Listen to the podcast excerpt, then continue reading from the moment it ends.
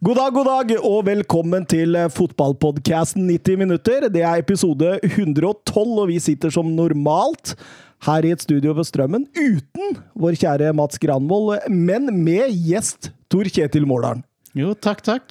Så hyggelig å være her. Ja, Trengte noen å, å holde mattekunnskapene våre i orden, var det det du sa? Ja, jeg kan to ganger i hvert fall, så, så dette bør gå bra, det her, altså.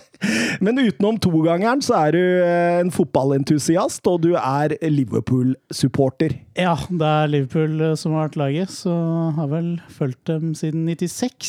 Så opp- og nedturer, så Sesongen i år var en standardsesong for, uh, for, for meg. Du, du, du, hadde god trening i å ha litt uh, ja, ja, ja, ja. Det har vært mye oppover i det siste, altså.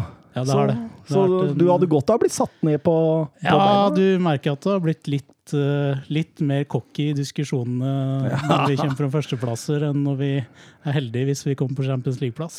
Jeg har vel sagt i studio her, jeg Søren, at uh, noe av det verste å diskutere med, det er Liverpool-supportere, er ikke det? Ja, det, det, er jo gjerne det, men det gjelder jo ikke alle. Det må jo sies. Nei da, nei da, nei da, for all del. Ja, det gjelder meg, da, så jeg... Bare pass dere! Kommer til å rasere studio hvis dere sier noe! Men det er hyggelig å, å ha deg med. Eh, det betyr at eh, Søren eh, Døpker, at det blir ikke noe ti spørsmål i dag.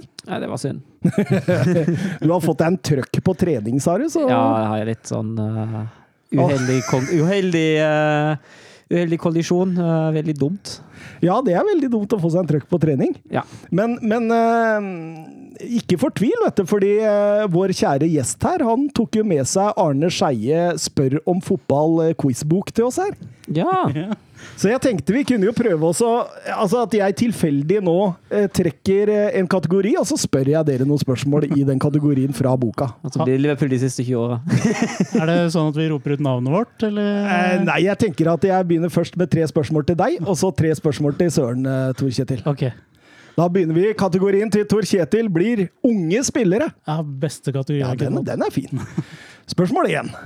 For hvilken klubb fikk Martin Ødegaard sin debut i norsk toppfotball? Strømsgodset. Ja, det er helt riktig. Yes. Nummer to. Hvilken spiller, født 1999, gikk fra Benfica til Atletico Madrid i 2019? Uh, Joao Felix. Det er også korrekt, og så kommer det sannsynligvis et spørsmål jeg ikke kan, fordi dette var norsk. Hvilken daværende startspiller ble i 2015 tidenes yngste kaptein i den øverste divisjonen i Norge? 16 år og 355 dager. Uh, I 2000 og... Uh, 2015. Uh, oi, oi, oi. Um... Du sa nesten navnet hans der. oi, oi, oi. Ja.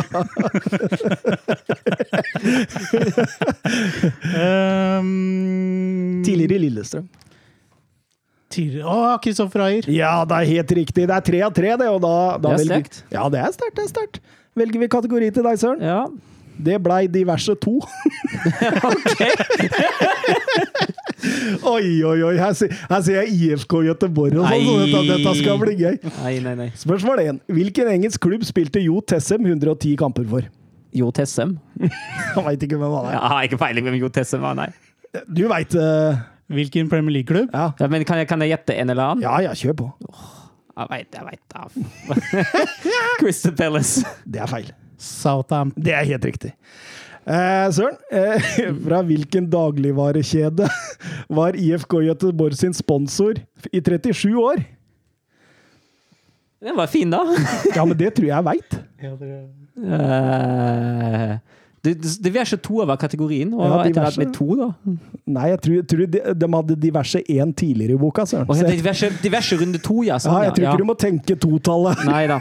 Uh, Coop. Jeg tror det er Ica. Ja, Ica, ja. Det er Ica. Det, det er Ica, ja. Eh, nå får du et VM-spørsmål, da. Det, det, er fint. Hvilket lag ble nummer to i VM 2018 og nummer tre i 1998? Det var Kroatia. Det er helt riktig, Søren. Jeg syns dere klarte dere bra. Det er mye gode fotballens gentlemen. Her er det mye å ta av. Kanskje jeg drar fram denne boka seinere i sendinga òg, vet du. Du veit Ja, aldri. det det. Nå fikk jeg kanskje litt mer hjelp eh, enn Søren på enkelte spørsmål men det, det får, får gå. Ja, men jeg har mer tro på holdt jeg på å si, på, altså Han er et fotballeksikon. Ja, ikke sant? Han, altså, han har knust oss i ti spørsmål to sesonger på rad nå. Vi sitter her og griner. Er det egentlig derfor ikke Mats er her i dag? Jeg tror, nei, men Han skulle stilt spørsmåla, så han følte seg ganske fri i dag. Ja, okay. Men, eh, men det var vel noe og kone og hund og barn og alt mulig rart. Uh, vi fikk et spørsmål fra Jonathan Hobber her før vi starter det hele. Eh, hvis ikke Mats skal være med, hvem skal holde orden på tall og matematikk da? Det blir jo en utfordring. Jeg er jo enig i det. ja, Men nå sier jo han at han kan to ganger nå. Ja, ja. Ja, ok. Ja. To ganger tre, sju. Ja, der har hun! Ja. Og med de orda, to ganger tre er lik sju, så setter vi bare i gang introen. Hei, hei! Messi surging forward with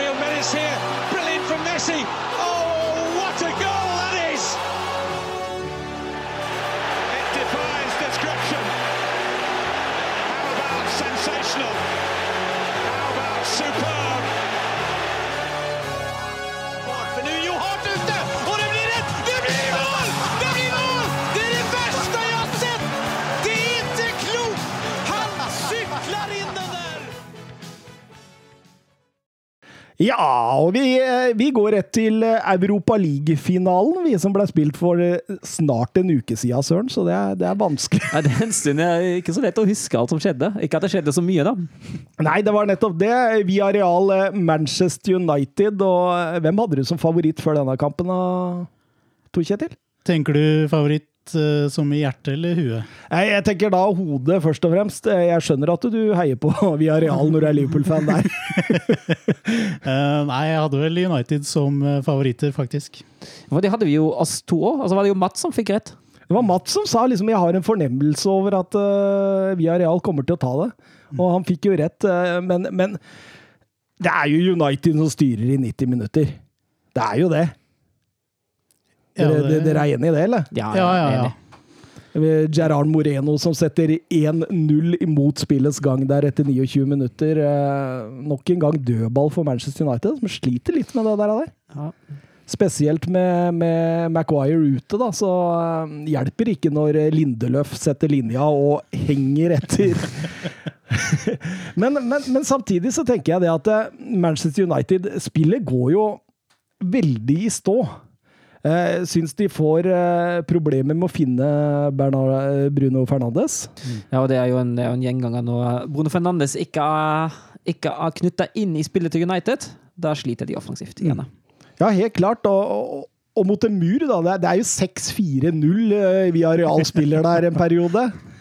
Så, og de stenger av sentralt, og det eneste måten United kan komme seg rundt på, det er rundt kantene. Men uh, det skjer ikke noe altså, før godt ut i annen omgang, når Kavani uh, setter 1-1. Og da tror man jo det skal snu, eller Tor Kjetil? Jo, jeg tror at uh, da snur det. Uh, fordi United har vel uh, Føles ut som de har godt grep om, eh, om kampen, mens Villarreal har liksom eh, De må tviste om mindsettet mindsetet sitt hvis de skal vinne, så mm, Ja, helt klart. Det er, det er liksom å sånn Åh, nå må vi skåre én gang til. Og det, det, det er ikke bare bare det når du har produsert én sjanse i løpet av en time. men, eh, men eh, United kjører jo utover der. Bruno Fernandes har en rett utafor. Rashford med en megasjanse. Det er helt utrolig han ikke treffer mål engang. Og Kavani med en stor som Pau Torres blokker. Og så går man inn med 1-1 og ekstraomganger, og man tenker selvfølgelig at eh, Vet du hva? United kommer til å rundspille dem i ekstraomgangene. Men der tok jeg feil, altså. Ja, det, Villarreal er best. det, det snudde. Det snudde så det sang. Og jeg syns Villarreal eh, kjører, eh, kjører ekstraomgangene. United-spillere virker slitne. De virker nesten litt sånn Ja, hva, hva, Altså at de har alt å tape og ingenting å vinne. ja. Og Rashford er jo helt eh, Han er helt ferdig på, på slutten der, så han kunne kanskje vært bytta ut. Men en ting jeg har tenkt på fra den kampen, eh, det er en mellom ekstraomgangene og eh, Altså 90 minutter og ekstraomgangene, Mm. så, så eh, ser du Una Emry er liksom en hærfører i midten som, som slår, mens, eh, mens Solskjær sender vel assistenttreneren. Ja, stemmer det. Stemmer det. Han står litt bak og, og styrer. Ja. Eh, det er klart det, at det er jo sånne situasjoner man trenger ledere.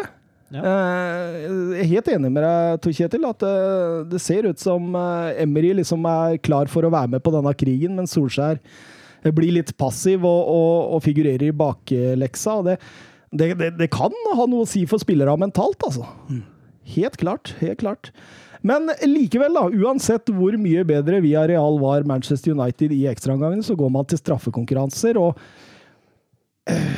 For en keeperprestasjon av begge keepera der, altså. Ja, det er, altså, det er jo han, eh, han Rui. Han, eh, han får, jo, får jo være straffe helt, altså straffekonkurransen helt ved å slippe inn ti straffer. Det er jo Det er ganske sjukt.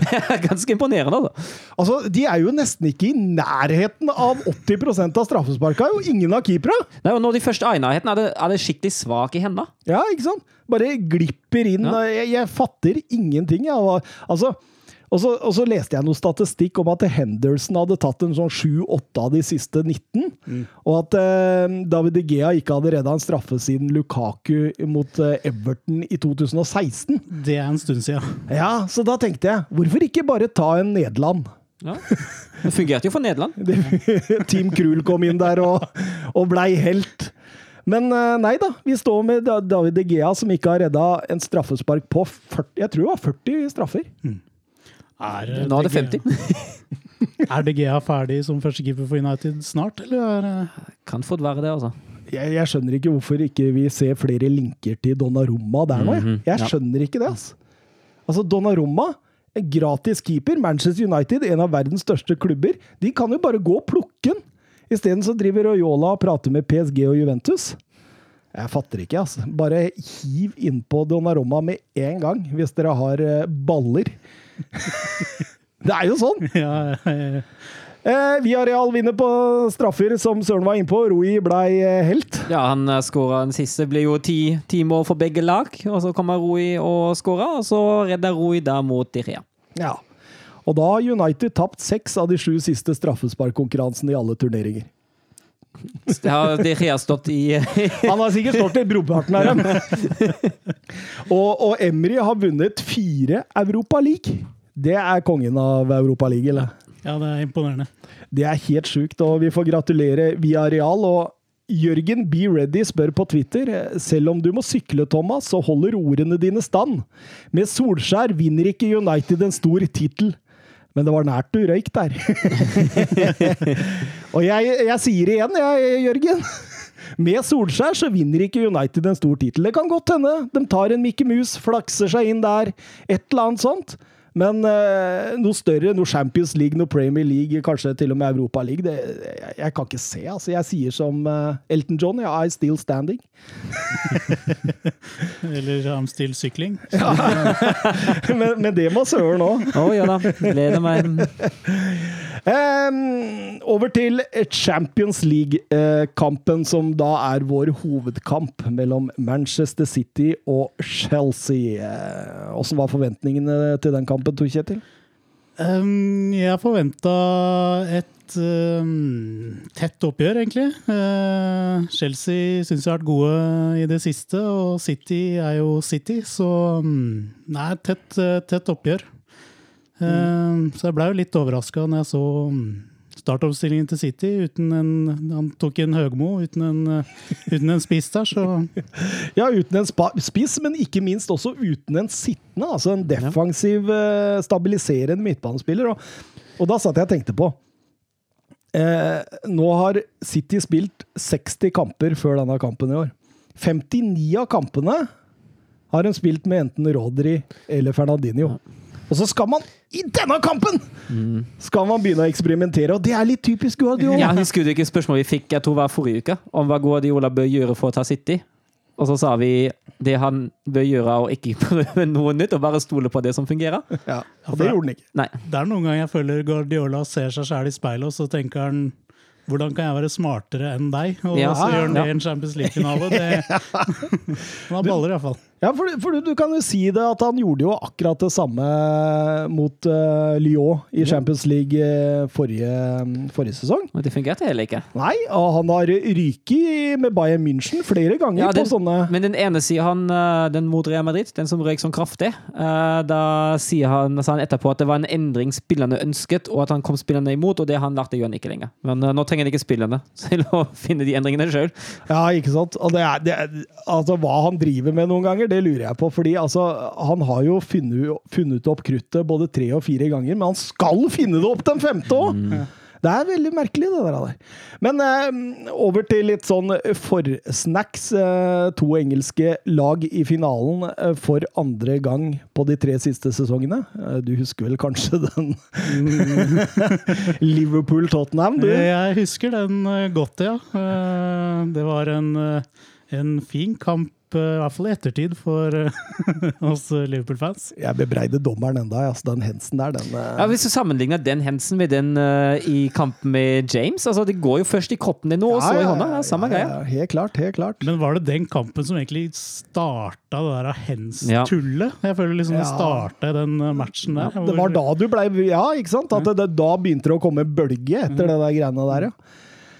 Eh, Sissoko hens der, og jeg, og Mané Du ser han nesten sikte på han hans, vet du. Ser fordi altså, hvis Han ikke Han hadde jo gått for Henderson på lengste, fordi det var eneste løpet som kom inn der.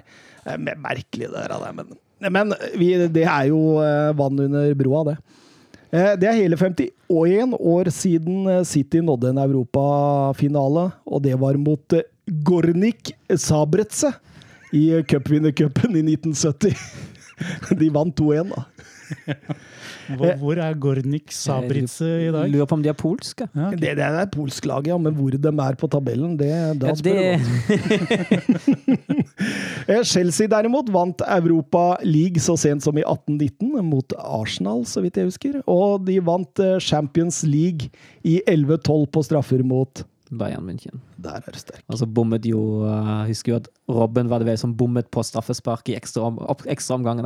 Mm, stemmer Også, det. ja. Stemmer det. Det var litt tur i, i Det var, det, altså, det var jo det var, den, det var, den, var vel den sesongen da Chelsea også hadde litt tur å komme seg til finalen. Var det ikke de to semifinalene mot Barcelona? Jo, jo, jo. Det var de, de Matheo-perioden. Ja, ikke sant? Ja. Ehm, siste 30 mellom eh, klubbene har endt eh, 16 seire til City, 10 til Chelsea, 4 uavgjort. eh, Så et lite City-overtak, men Tuchel har et overtak på City igjen, med to av to før denne. Eh, Siste kamp som ble spilt lagene imellom, var så sent som 8. mai. Eh, Da vant eh, Chelsea 1-2 på Etiad i en kamp som Guardiola prøvde å eksperimentere litt eh, nok en gang.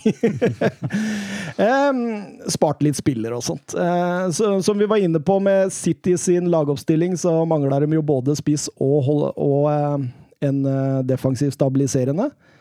I Chelsea, da, Søren? ja, i Chelsea da var det jo to viktige spillere som var tilbake. Og det var keeper Mondi, og det var den stabiliserende midtbanespilleren Golo Conte. Det skulle vise seg å være veldig viktig. Ellers spiller Werner på topp, og Havertz og Mount eh, rundt ham. Og han bytter James og Aspiloketa igjen. Uh, Aspiloketa går tilbake til midtstopperposisjon, og James tar wingbacken. Ja. Og eh, vi drev jo og diskuterte hvordan han ville sette opp den topptrioen eh, eh, i forrige episode, og vi fikk jo ganske rett da når vi sa Mount, Werner og, og Havertz. Ja. Eh, Mount, forresten. Fanken for en eh, utvikling av Tor Kjetil. Ja, veldig spennende, spennende å se på. Både, altså, både han og Foden. Det, det er, eh, kommer til å bli en midtbane som det fort kan lukte svidd av. Ja, det er, det er helt enormt. Jeg, jeg husker eh, når vi starta denne podkasten for noen år siden, så, så drev han og herja han i, i Derby på lån. Eh, under Frank eh, Lampard, og vi, jeg husker jeg og Mats eh, hylla han til de grader og sa at dette kommer til å bli gull. Jeg følte vi traff der. Veldig godt opp. Eh, kampen, da. Eh, City går høyt, Chelsea går høyt.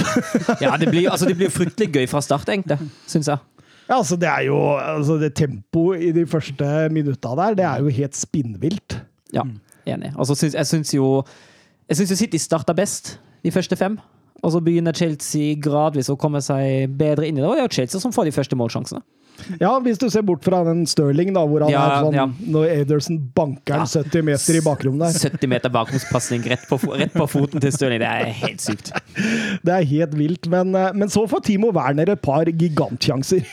Men han klarer jo ikke å stokke beina. Hva, hva er det med Timo Werner i Chelsea? Nei, Jeg vet ikke, jeg leste en på, på Facebook som var litt morsom. Hvis eh, Timo Werner hadde skutt Tupac, hadde Tupac blitt 49 år.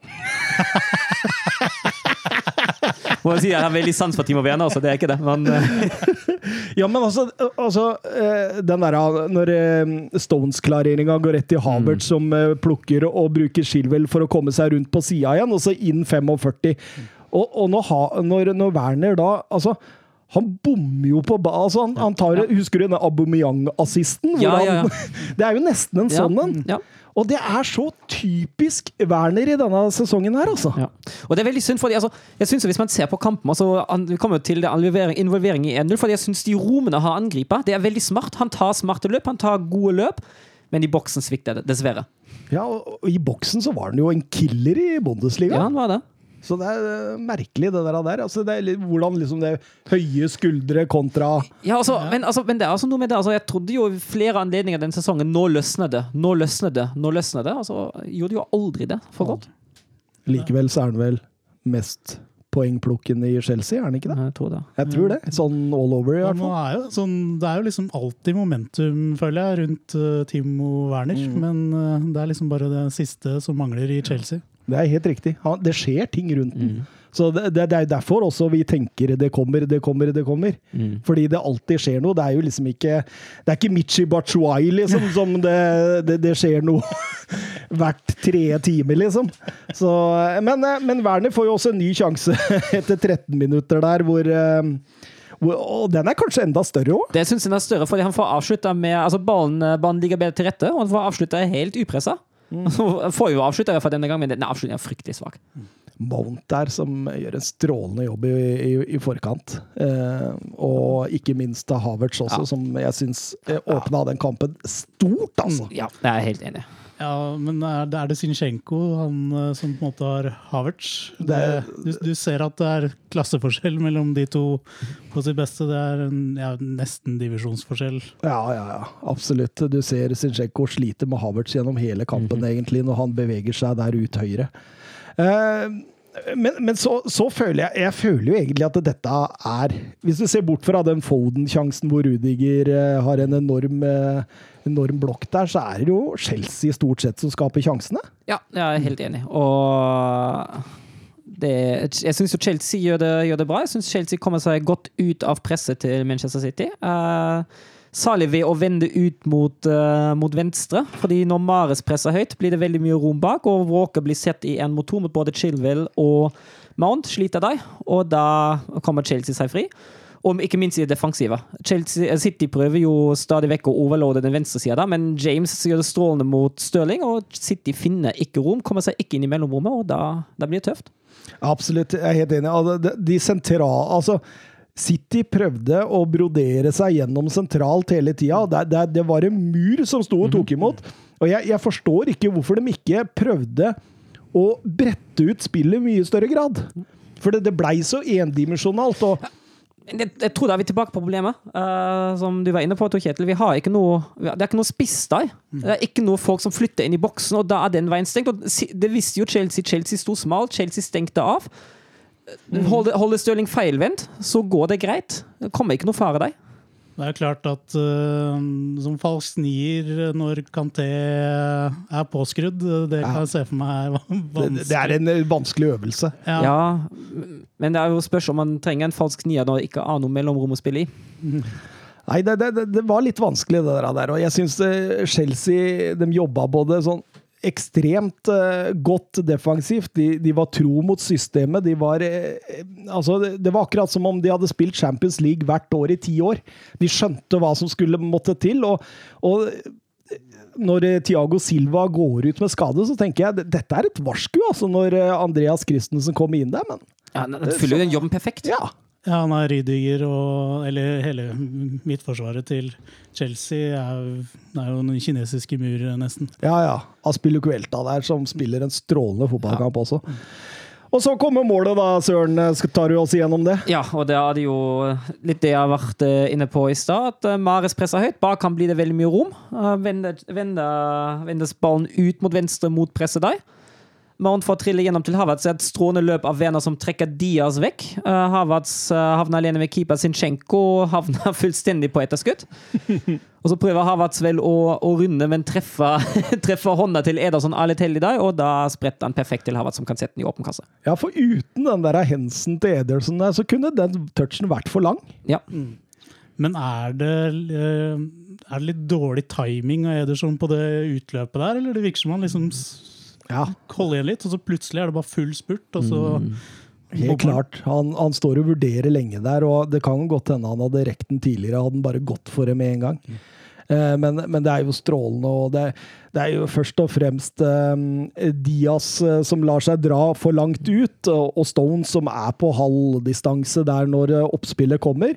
Og ikke minst, som du sier, da, Zinchenko, som driver egentlig ba, altså, Han gjorde det stikk motsatte av Chelsea-forsvaret. Der ser det ut som eh, han aldri har spilt eh, Champions League-finale, for å si det sånn.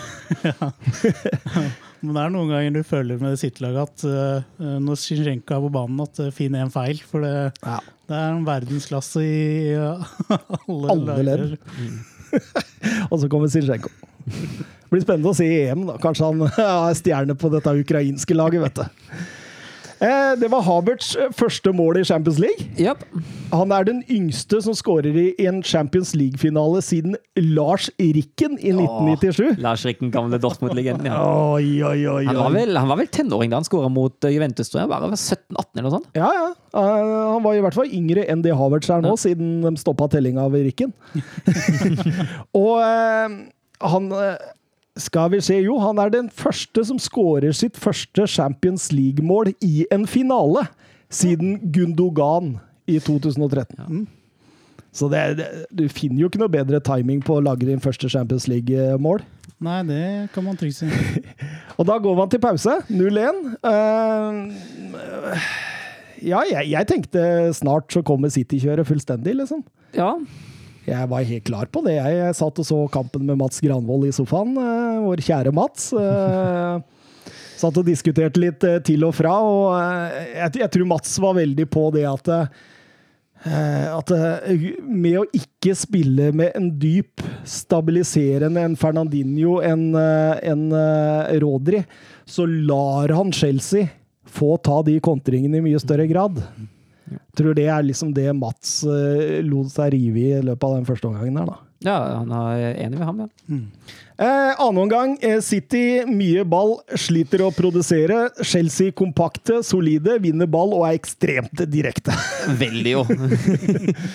Og så er Kanté så stor i den andre omgangen der som jeg ikke har sett den siden ja. Han spiller jo som om han har seks bein. Så mye rom som han dekker. Det er jo helt spinnvilt. Ja, det er noe av det råeste jeg har sett. Så han, eh, det er bra han ikke hadde korona, for da hadde alle på den stadion eh, blitt smitta, for å si det sånn. Han var overalt.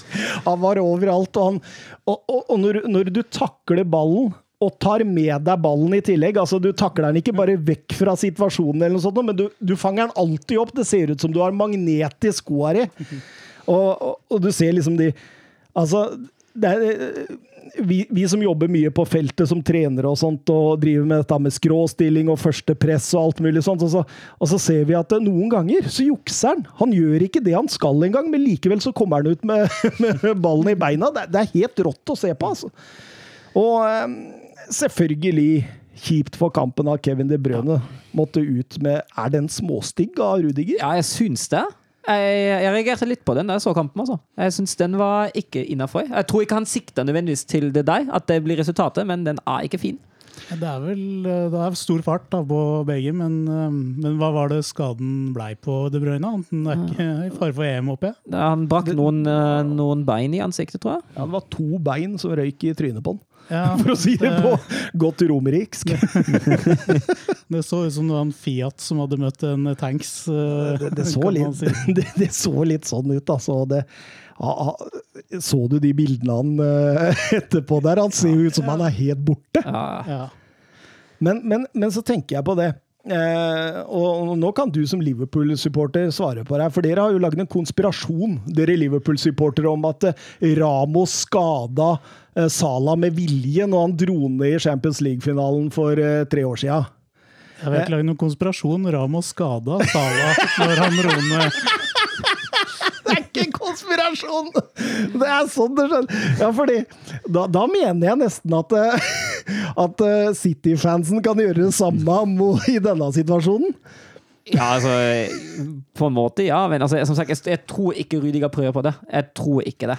Uh, men den, det er klart det blir stygt, og Han går jo i helt- hvert fall ikke etter ball. Nei, det gjør han ikke. Altså, han, han, han er inne på for å stoppe De Bruyne, men jeg tror ikke han er inne på for å skade De Bruyne.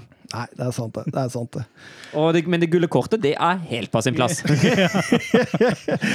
jeg jeg snakka litt med Mats og spurte syns du det er rødt, eller? Liksom, vi var nesten litt der, men så nei. Nei, vi, vi slo det fra oss.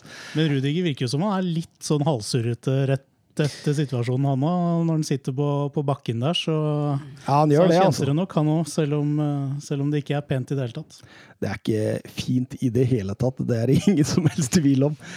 Ehm, så eh, blir det et VAR-sjekk for straffespark. Hens på Reece James. Hva tenker du, Søren? Nei, jeg tenker jo at det er, det er som ringer. Dommeren uh, viser det jo ganske fint. Det var jo, var jo litt show. Dommershow.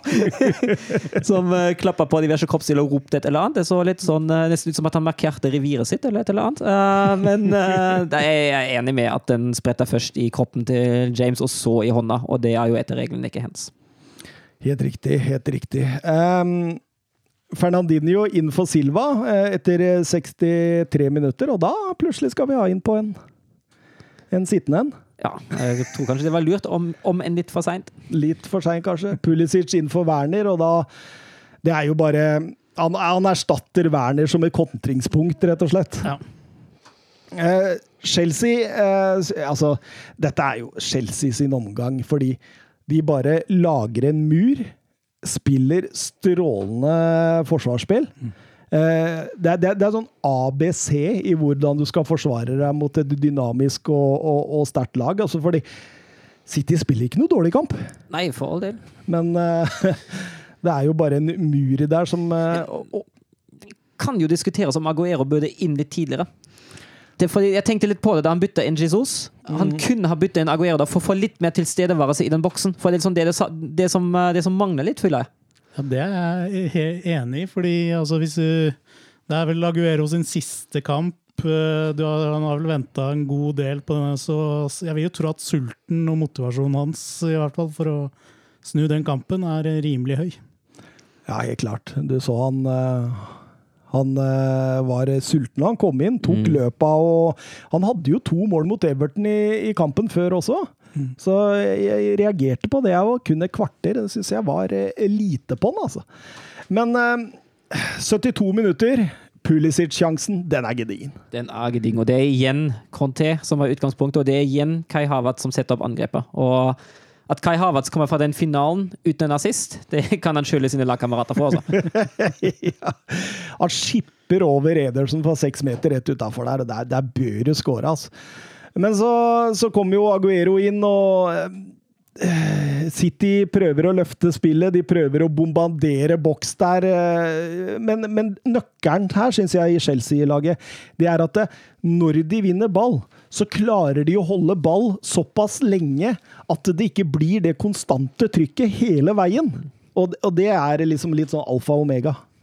Uh, de, de har noen blokker inni der, både Christensen og uh, er det vel Aspilicuelta som kommer inn der eh, og blokkerer, men syns, uh, syns det er strålende. Man, man må helt til seks minutter på overtid før eh, den største City-sjansen i annen omgang kommer.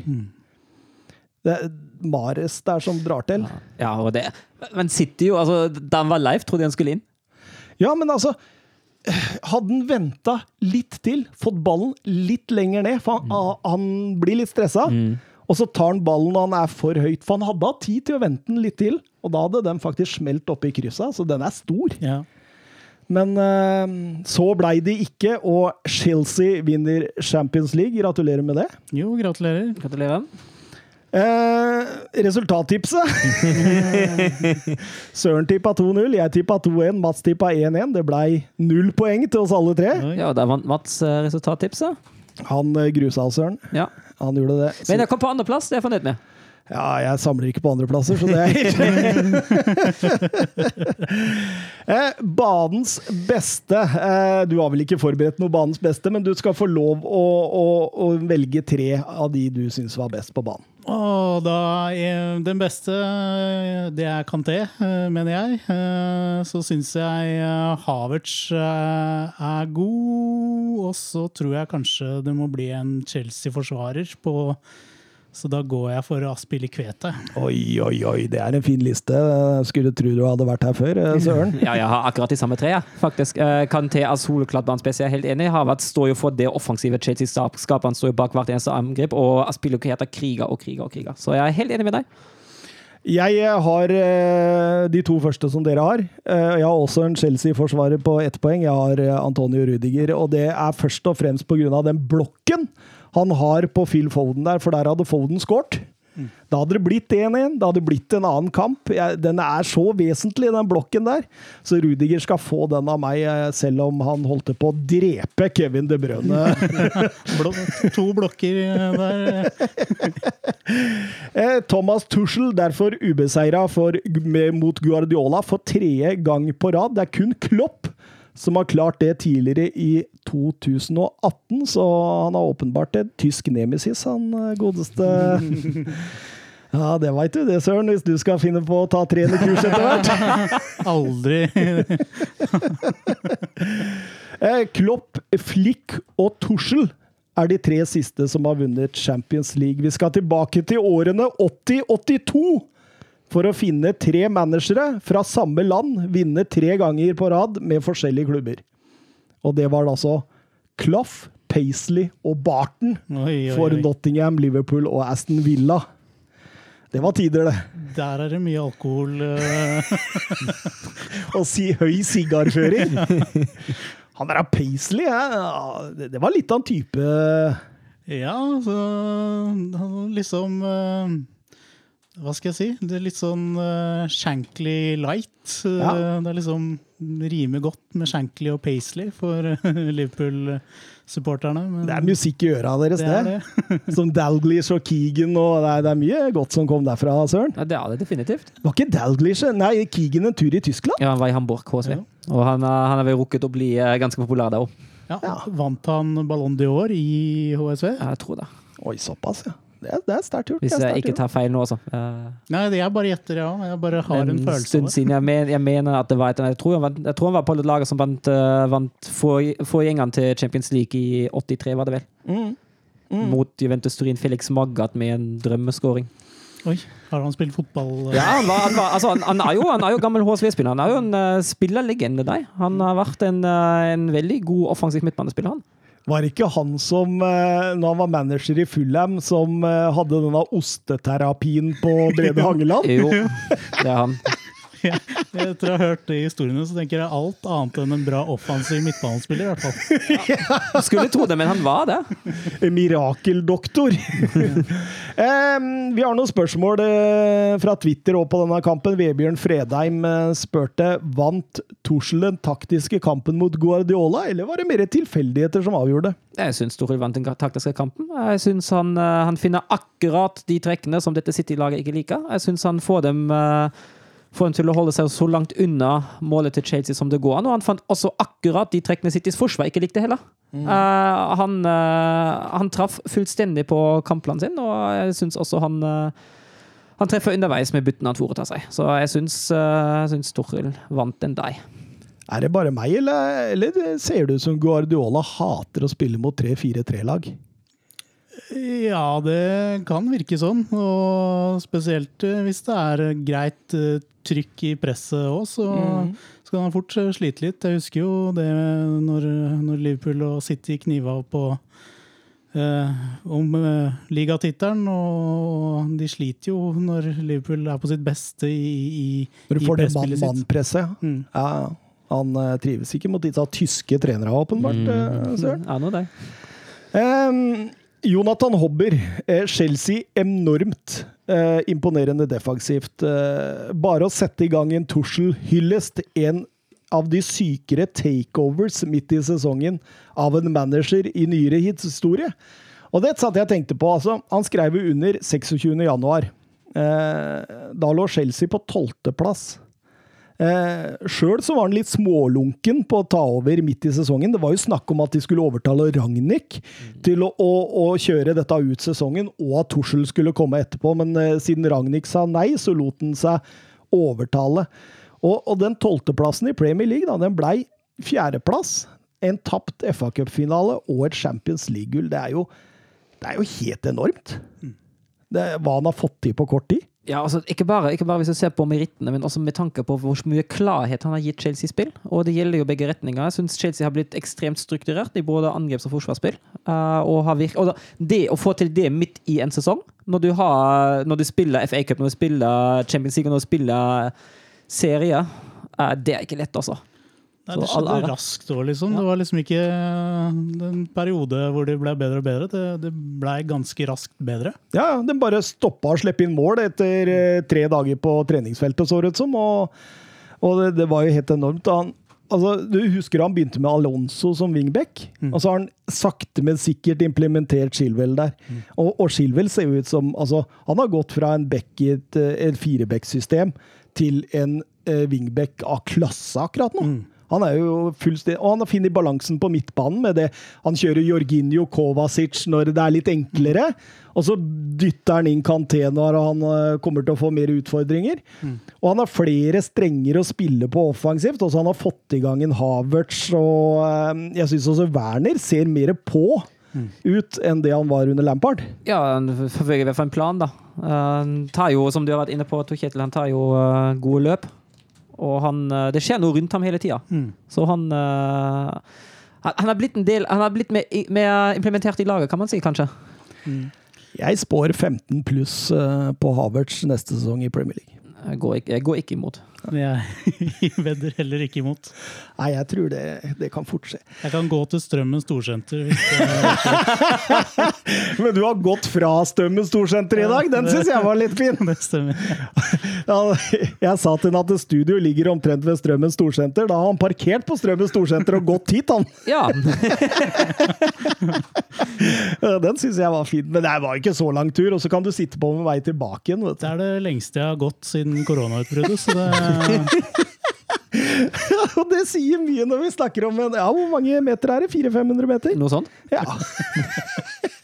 Eh, skal vi videre i programmet, fordi vi, eh, vi fant ut at eh, det å ta årets lag i Premier League, Ligue Ø, Serie A Da vil vi ikke være ferdig før sesongen starter omtrent, eh, hvis vi skal bruke en episode per. Ja, i hvert fall når det har EM i tillegg. Hadde vært en ordinær sommerpause, nå hadde jo ikke det gått greit. Men med EM i tillegg blir det vanskelig. Ja, Så da finner vi ut at vi bare smeller sammen hele dritten og lager en Europa årets lag. Og, og da så jeg vi vil få noen problemer. Ja, vi får det. Men vi skal, eh, vi, vi skal nok eh, få på plass en elver til slutt. Og så, så må du også være en eh, Mats Granvold som står på krava dine. Det, det skal jeg gjøre, men er jeg, jeg er ikke helt dikemark sånn som dere. da, Så jeg har ikke helt kontroll på Ligg A og Bundesliga og Serie A. og... Helt dikemark, den syns jeg var fin. Det er galehus, søren. Men skal vi ta Vi, vi, vi, vi kan begynne med keepera. Ja.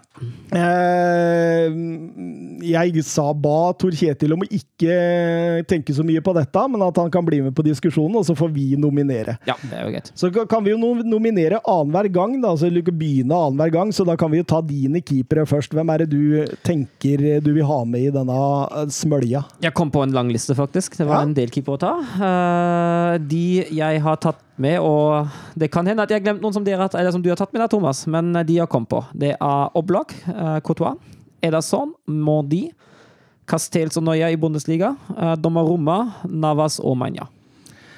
Eh, du hadde noen flere enn meg, men alle jeg hadde. Ja. Så da, da er vi inne, inne på det. Er det noen av de som utmerker seg, syns du? eh, Nå er ikke du helt dikemark på Ligue Ø, men eh, Nei, det er ikke helt kontroll på det, men jeg kjenner jo at det rykker litt litt ekstra i foten når han nevner Donnarumma og, mm, og Oblak. Eh, jeg er veldig svak for Oblak, så jeg tror nesten Jeg, jeg stemmer for Oblak, jeg.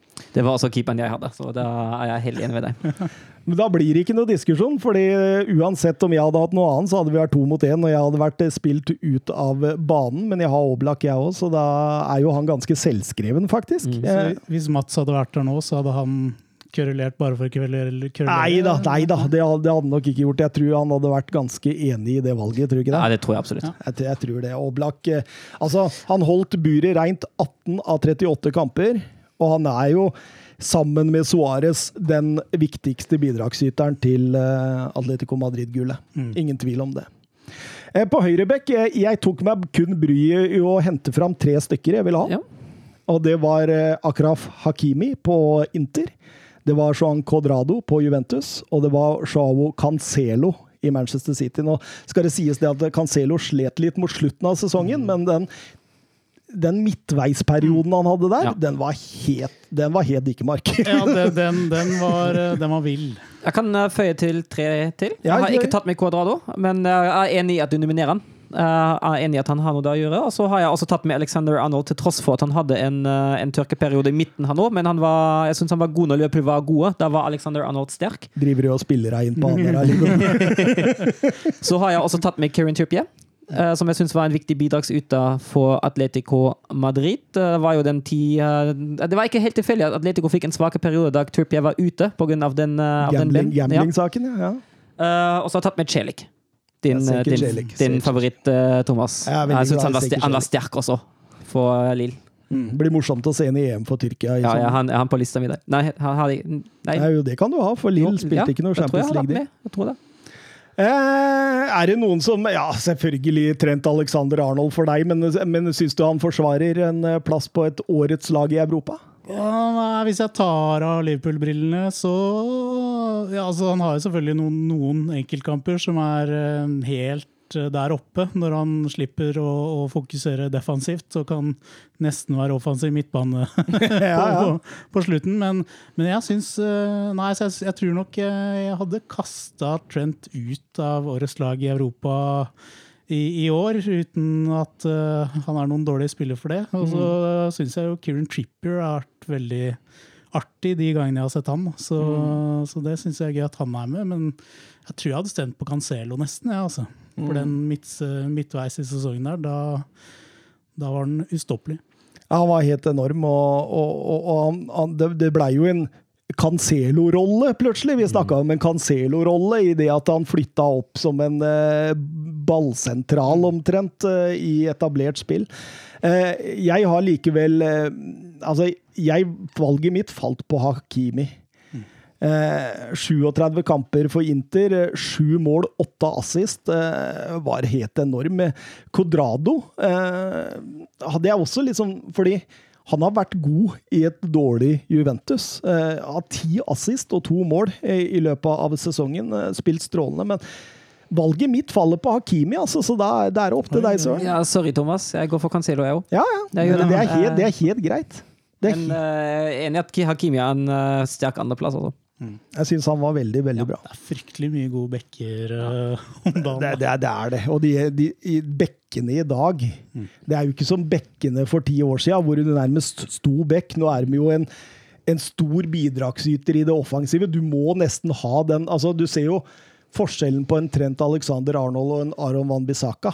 Ikke sant? Hvor, på en måte lamma United er på sin høyreside, egentlig, kontra Liverpool. Eh, Så kan du jo si at de er hakket bedre defensivt, da, men det Ja, for, for Liverpool eh, har nok kanskje lidd litt av at bekkene ikke har produsert så mye i år, som, som sikkert har litt å gjøre med den situasjonen bak der. Da. Men, Helt klart, men helt klart. eh, bekkene er jo superviktige, skal man lykkes.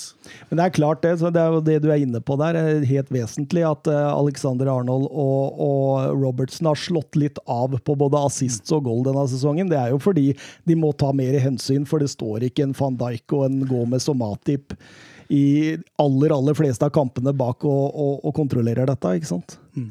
Så det har nok litt å si. Det kan godt hende at vi ser gode, gamle eh, Liverpool-sidebacker fra neste sesong av. Forhåpentligvis.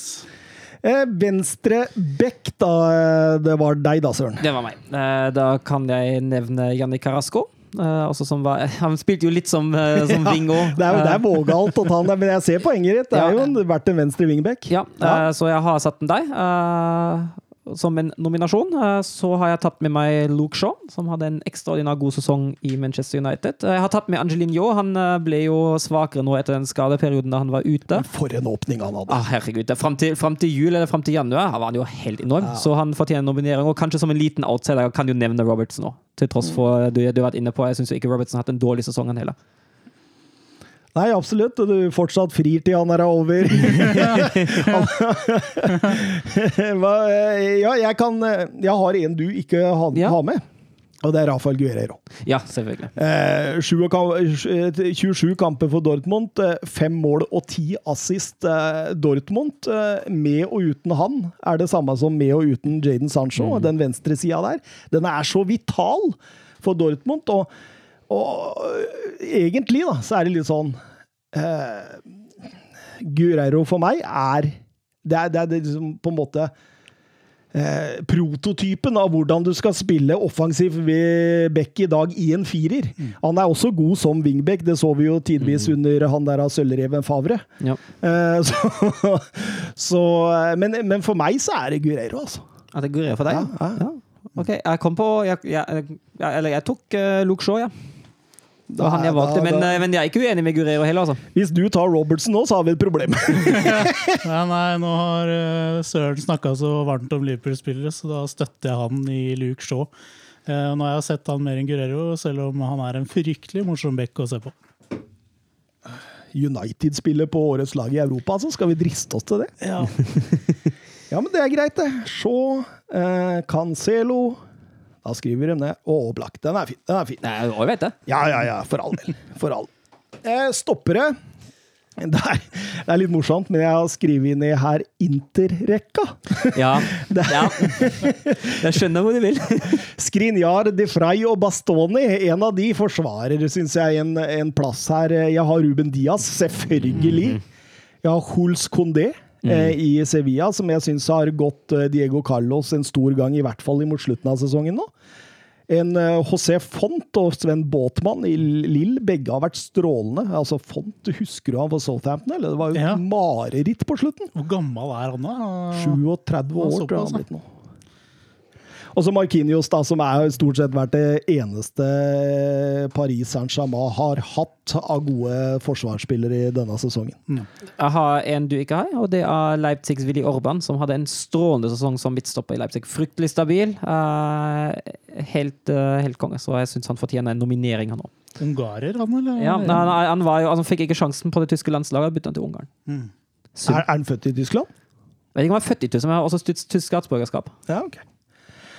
Den er fin. Eh, Da har vi jo noen å, å, å ta av, og nå skal vi ha to, så da kanskje det blir litt lettere å jeg, jeg, jeg mener Ruben Diaz må inn. jeg er helt enig, jeg syns han er selvskreven. Det var første jeg skrev ned, og første jeg satt eh, ring rundt i forsvarsrekka. Ja. Jeg støtter den 100 Men Altså, den andre der er ikke like lett. Jeg, jeg syns den står mellom to. Okay. Jeg syns den står mellom Intas de Frey, og jeg syns den står mellom uh, Sevillas Condé. Jeg syns det er de to som krangler om den plassen der. Og den, Mm. den er nesten 50-50. Den er fryktelig vanskelig. Ja, det er jeg for så vidt eh, enig med deg i, altså. Det er jeg faktisk. eh, har du noe foretrukken av de to, eller? Jeg tror nesten jeg ville foretrekke det Frey, ja. men det blir litt trynefaktor igjen. da. Jeg liker stoppertypen, egentlig. Og han har, vært, han har jo vært vital for det intergullet sammen med Skriniar og Bastoni.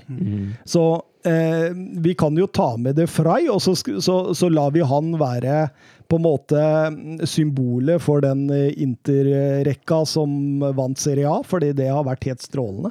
Selv om Handanovic har rota det til så det synger et par ganger der, så har de, så, så har de stått støtt. Så de, altså, De Frey, det er et godt stoppepar. Ja. Eh, Høyrekant. Da har jeg bare to, men jeg har jo spillere på, eller noen spillere på sentral midtbane som også kan drekkes inn i den diskusjonen der. Eh, men de to jeg kom på, er selvfølgelig Mohammed Salah. Han hadde jo en god sesong. uh, og Lionel Messi, som var Jeg vil ikke tenke på hvor Barcelona hadde havna uten Lionel Messi den sesongen. her. Nei, fordi du, du tenker at vi kan trekke Messi ned høyre, for jeg finner Ja. ikke plass til ham på spissen. Ikke jeg heller, ikke heller, men jeg trakk Messi ned høyre fordi jeg mener nesten at Messi hører med på det laget. Derfor han leverer nok en gang en helt sinnssyk sesong. Så kan man jo også diskutere både Thomas Mulla og Jorente ut på høyre, som kan spille deg òg. Som jeg har tatt med i vurdert sentral midtbane, men de kan jo godt diskutere seg opp. Men hvem andre så har du Sala og, Og, og Messi. Ja. og Messi? Ja. Ja. Sala, Messi, Jorente Og Mulla. og Müller. Ikke Federique Chiesa? Hun kan ta med han òg. Ja, han har vært strålende. Han har sammen med Ronaldo båra Juventus offensivt i år. Er det sønnen til han derre Ja, det er sønnen til eh, gamle storskårer Parma Chiesa. Ja. Helt riktig. Helt riktig. Um, har du noen eh, favoritter her, eller? Så, nei, Tor Kjetil? Uh, Vi er på høyrekant. Ja. Altså um, Mo Salah running down the wing. ja, ja, jo, det er, det er hardt. Fordi jeg har jo en leveregel om at hvis du får et valg mellom Messi og hva som helst annet, så velg Messi. Men uh, eh, så er det tungt å, å fjerne Sala òg, da. Så jeg tror jeg stemmer på Sala, men det er Liverpool-hjertet som uh, gjør det. Ja, ikke sant. ikke sant. Og da, da klarer vi å knuse det Liverpool-hjertet. fordi altså. jeg, jeg, har, jeg har Messi, jeg.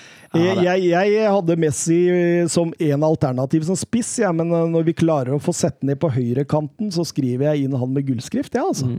Jeg hadde faktisk Marcus Lorente som mitt Ja. lille valg Ja, der, men, men det hadde jo altså det hadde forsvart uh, valgplass, det òg. Altså.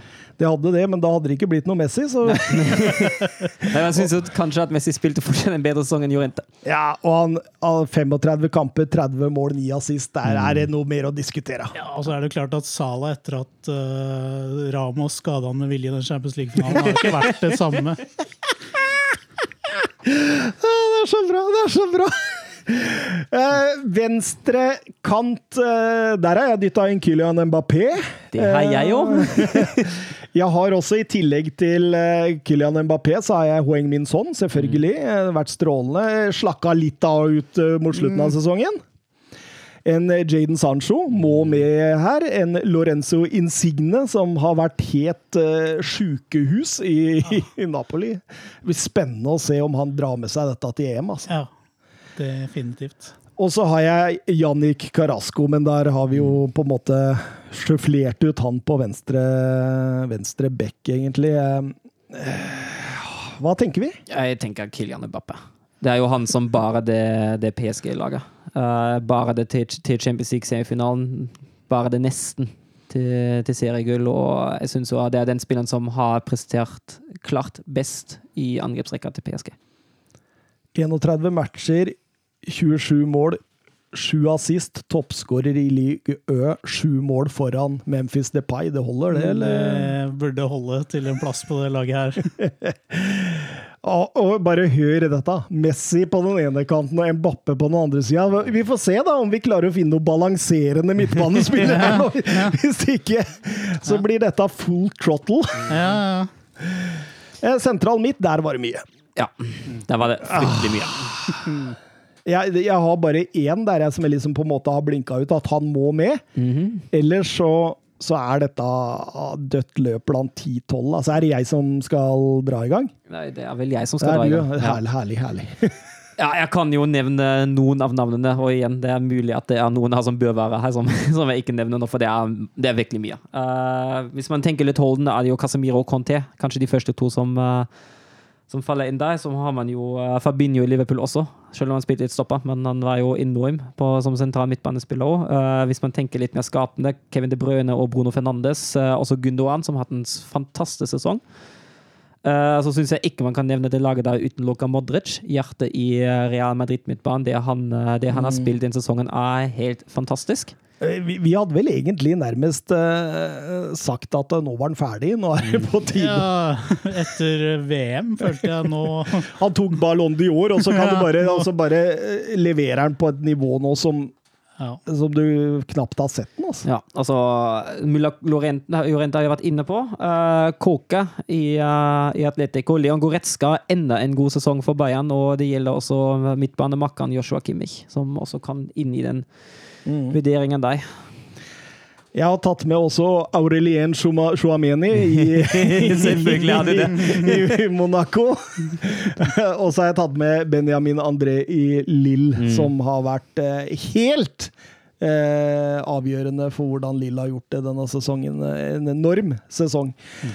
Eh, den eneste jeg har liksom blitt enig med meg sjøl om på forhånd her nå, det er Bruno Fernandes. Han må inn. Han har, eh, gjort dette, altså han har spilt dette United-laget opp flere plasser på tabellen i forhold til hva de hadde vært uten. Ja, det er greit for meg. Eh, 18 mål og 12 assist på 37 Premier League-kamper. det jeg, jeg ser ikke noe vei utenom. Ja, det er en United-spiller til, altså. Ja, det blir veldig United-tungt eh, nå. Er det mulig å få en Jordan Henderson eh, noe, sted, noe sted her, Har ikke han stort sett vært skada siden nyttår? da? Jo, jo, men han er jo Captain Fantastic, ikke sant? Så, Vi har, vi har skrytt mye av Henderson ja. siste tida, vi. Altså. Det, det var en periode der vi var litt misfornøyde men, men eh, så har han kommet seg voldsomt. Eh, men eh, jeg vil ikke ha han inn på et europalag. Altså. nei, ok, det er greit. Men har dere noe Fordi jeg er eh, villig til å la meg overtale.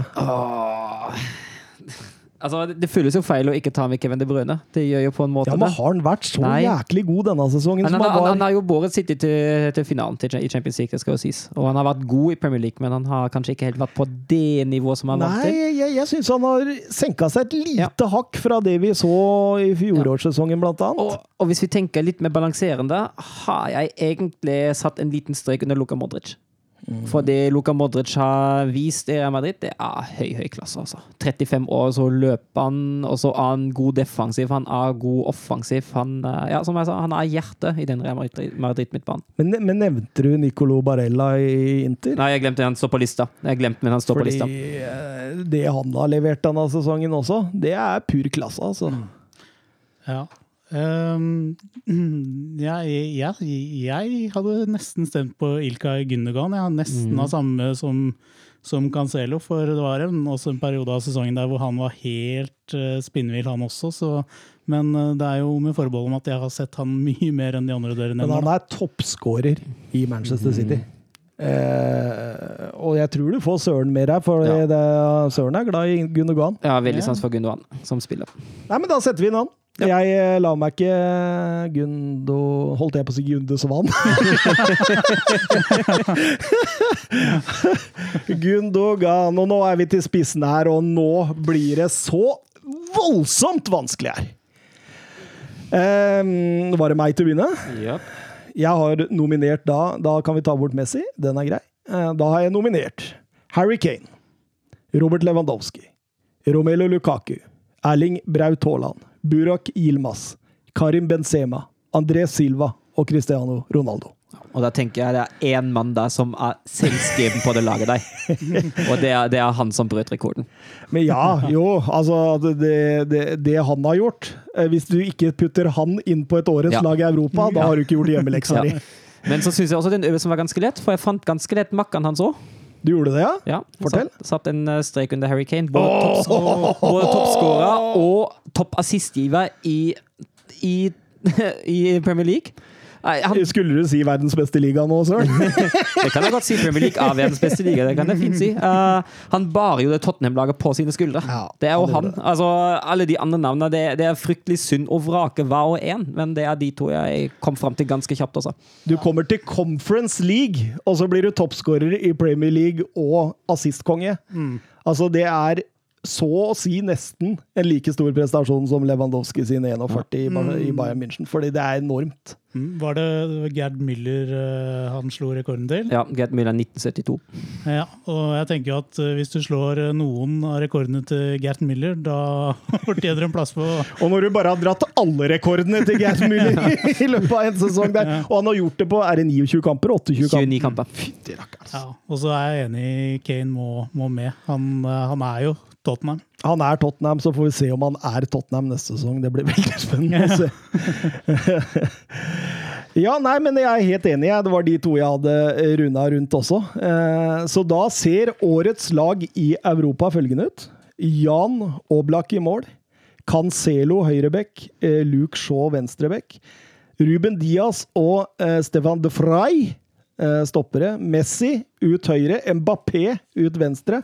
Bruno Fernandes og Gundogan eh, sentralt på midten. Eh, ganske balanserende òg, faktisk, faktisk. Selv om Gundogan kanskje ikke var så balanserende i Champions League-finalen. Ja, vi er i mye mer balanserende enn diverse andre lag vi har hatt. Og Harry Kane og Robert Lewandowski på topp, og det er et sinnssykt offensivt fotballag. Ja. Men det er et deilig lag, og det er vårt årets lag i Europa. Eh, videre eh, Nå skal vi eh, egentlig det er, det er vel det som heter å løsne opp eh, snippen og, og, og kose oss litt og snakke litt fritt og godt om eh, transfers, overgangsrykter, litt, vi drar litt Twitter-spørsmål og, og snakker litt løst og fast. Mm. Vi, vi kan, jeg, jeg kan først begynne. De siste dagene så har det blitt noen uh, overganger bekrefta. den aller største som har blitt bekrefta, i form av penger som har skifta hender, er jo Ibrahimo Konate til Liverpool. Eh, ja, Søren? ja, nei, nei, bare fortsett. Nå har jeg noe jeg skulle Nei, nei, si. nei. Eh, hva tenker du om den overgangen, Tor Kjetil? Eh, nødvendig. Spennende. Uh, er jo, ettersom jeg har skjønt uh, Jeg har ikke sett så mye av eh, RB Leipzig, men en rask og stor stopper. Duellsterk. Og forholdsvis god med ballen også, ettersom jeg har lest. Så det, mm, det Liverpool trenger jo et eller annet. Det eneste mm, er at de har skjønt at han er litt skadeutsatt. og Litt det skadeutsatt. trenger ikke Liverpool bak der, når du har Matip og Joe Gomez og for så vidt en van Dijk eh, som, eh, som blir morda av eh, Pickford, så, så, så, så trenger du ikke en skadeutsatt spiller til. Er du av dem som mener at Pickford eh, gjorde det med vilje? Han gjorde det definitivt eh, med vilje. Det var planlagt eh, før kampen starta. Det er så deilig! Det er så deilig! Ah, Angelotti bare ah, You have to kill uh, van Dijk. Syns dere hører, eller? Um, Søren, hva tenker du om uh, Konaté til Liverpool? Du Nei. kjenner han jo veldig godt fra Ja, jeg Bundesliga. Ja, han er en strålende midtstopper når han er frisk, og han har jo et skyhøyt potensial. Eh, så jeg tror Liverpool kommer til å ha stor glede hvis han holder seg frisk. Men uh, hvis han holder seg frisk, blir dette en uh, suksesshistorie, det er jeg ganske sikker på. Jeg har jo sagt i denne podcasten tidligere ja, at han er bedre enn Opamecano. Og det, det står jeg for, men så var det de skadene Det er, det er der det ligger. Altså, nå har han vært skada mye de siste par sesongene her. Så vi får se om eh, Liverpools medic klarer å få skikk på han. Har vi noe tro på det? Ja, vi må ha trua. Vi må ha trua. Eh, må ha trua. Men eh, det blir eh, enormt spennende å se, og ikke minst om han kan blomstre under litt guiding fra van Dijk. Mm, mm, absolutt. Det, er- det er jo en god læremester, i hvert fall. Ja, definitivt. Men eh, en annen overgang som ble bekrefta, som er for så vidt større i eh, Sikkert i eh, både lønn og selve navn, da. Det er jo eh, Alaba går til Real Madrid. Ja.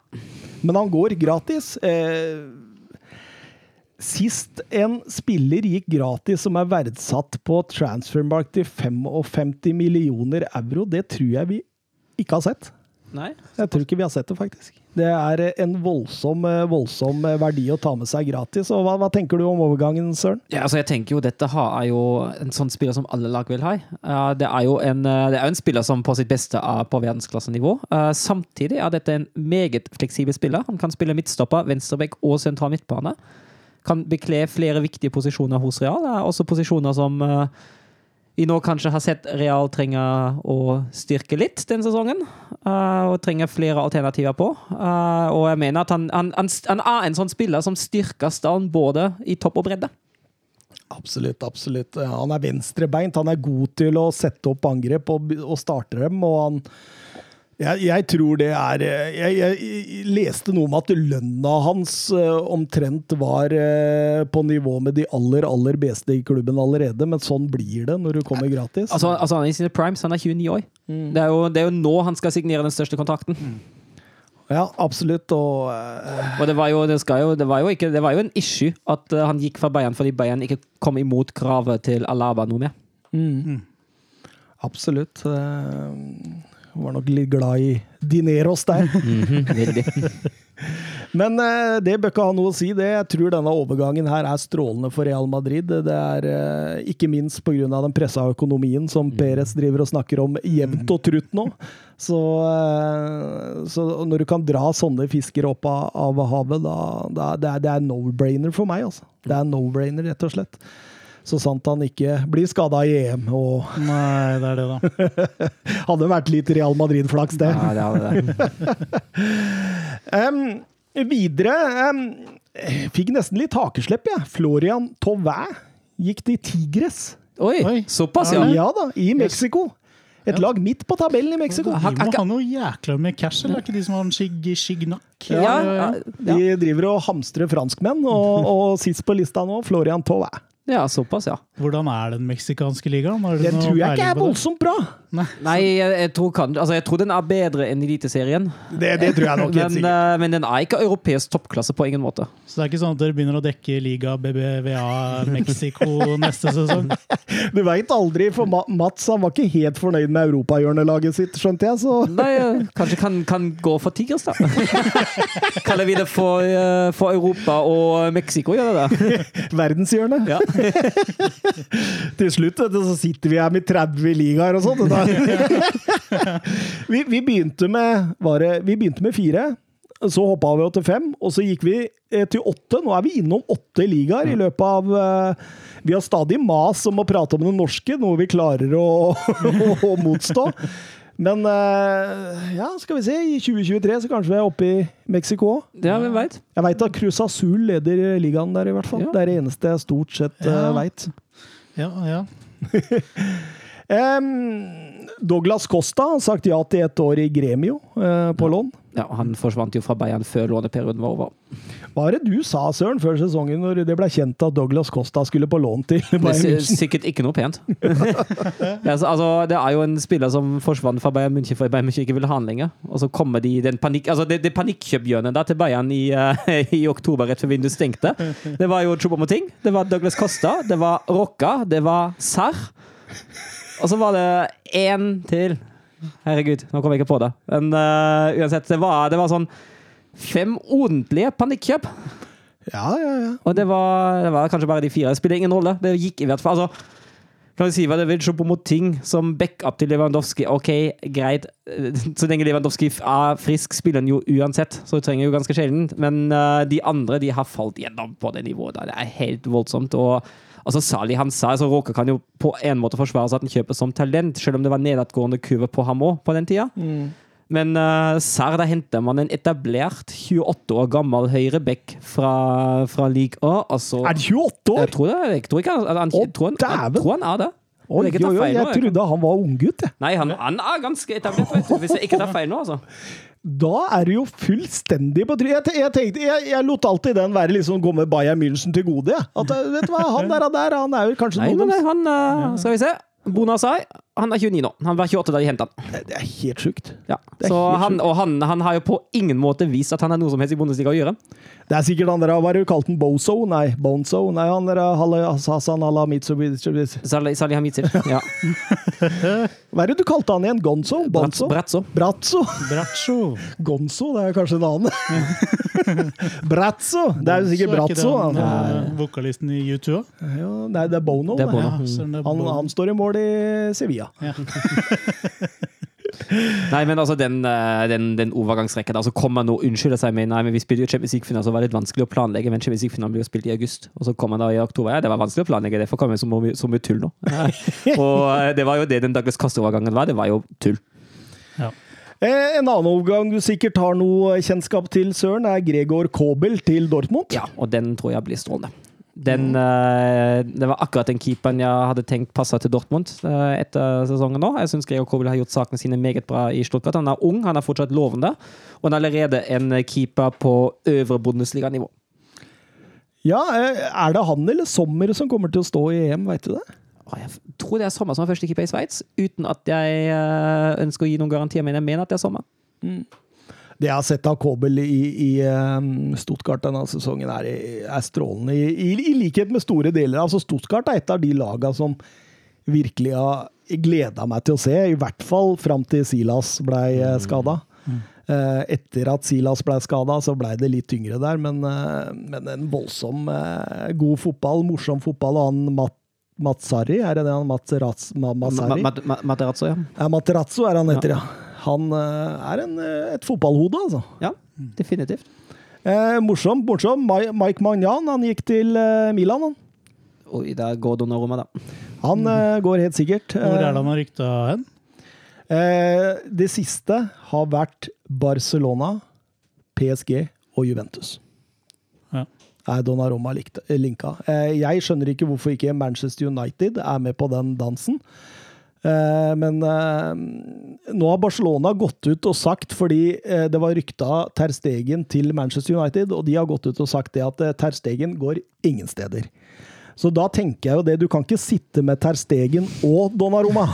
Det, det, det nytter ikke. Så da tenker jeg at man står igjen med Paris Saint-Germain. Der står Navas. Eh, det kan jo være greit, han begynner jo å trekke på åra. Og i Juventus står Stensny. Eh, også ikke en veldig habil keeper på det nivået her. Å få inn en Donnarumma, så har du en keeper i 10-20-30 år. er, ikke, er ikke langt unna. Jeg tenker at, at det kan være bra, men så, så ser jeg jo det at Milan, Donnarumma til Juventus Jeg tror den. Jeg tror, altså, jeg tror Donnarumma gjør det lettere for seg sjøl om han går til utlandet. Mm. Det tror jeg supporterne har mer forståelse for enn hvis han går til Juventus. Men det er Mino Raiola som er med og trekker i trådene her, eller? Det er jo det. Det er jo det. Da ser jeg for meg at det fort blir enten Juventus eller Paris Saint-Germain, Ja.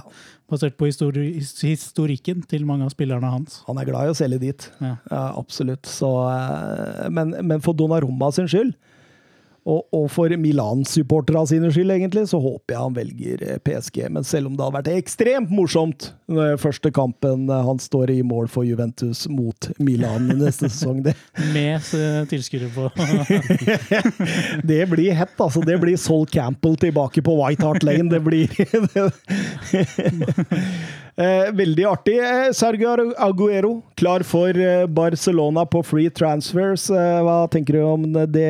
Ja, vi kan ta to, Kjetil. Eh, Det er det litt sånn eh, beholde Messi først og fremst, og ikke så sportslig. Eller jeg føler liksom Sergio, Sergio Aguero er litt ferdig på topp, topp europanivå, men selvfølgelig en god fotballspiller ennå. Men eh, jeg tror ikke han kommer til å heve Barcelona til å bli mestere neste sesong. Jo, for, altså, jeg vet enn Braithwaite. Selv om vi er helt enige med deg. Ja, Mats er ikke enig nå.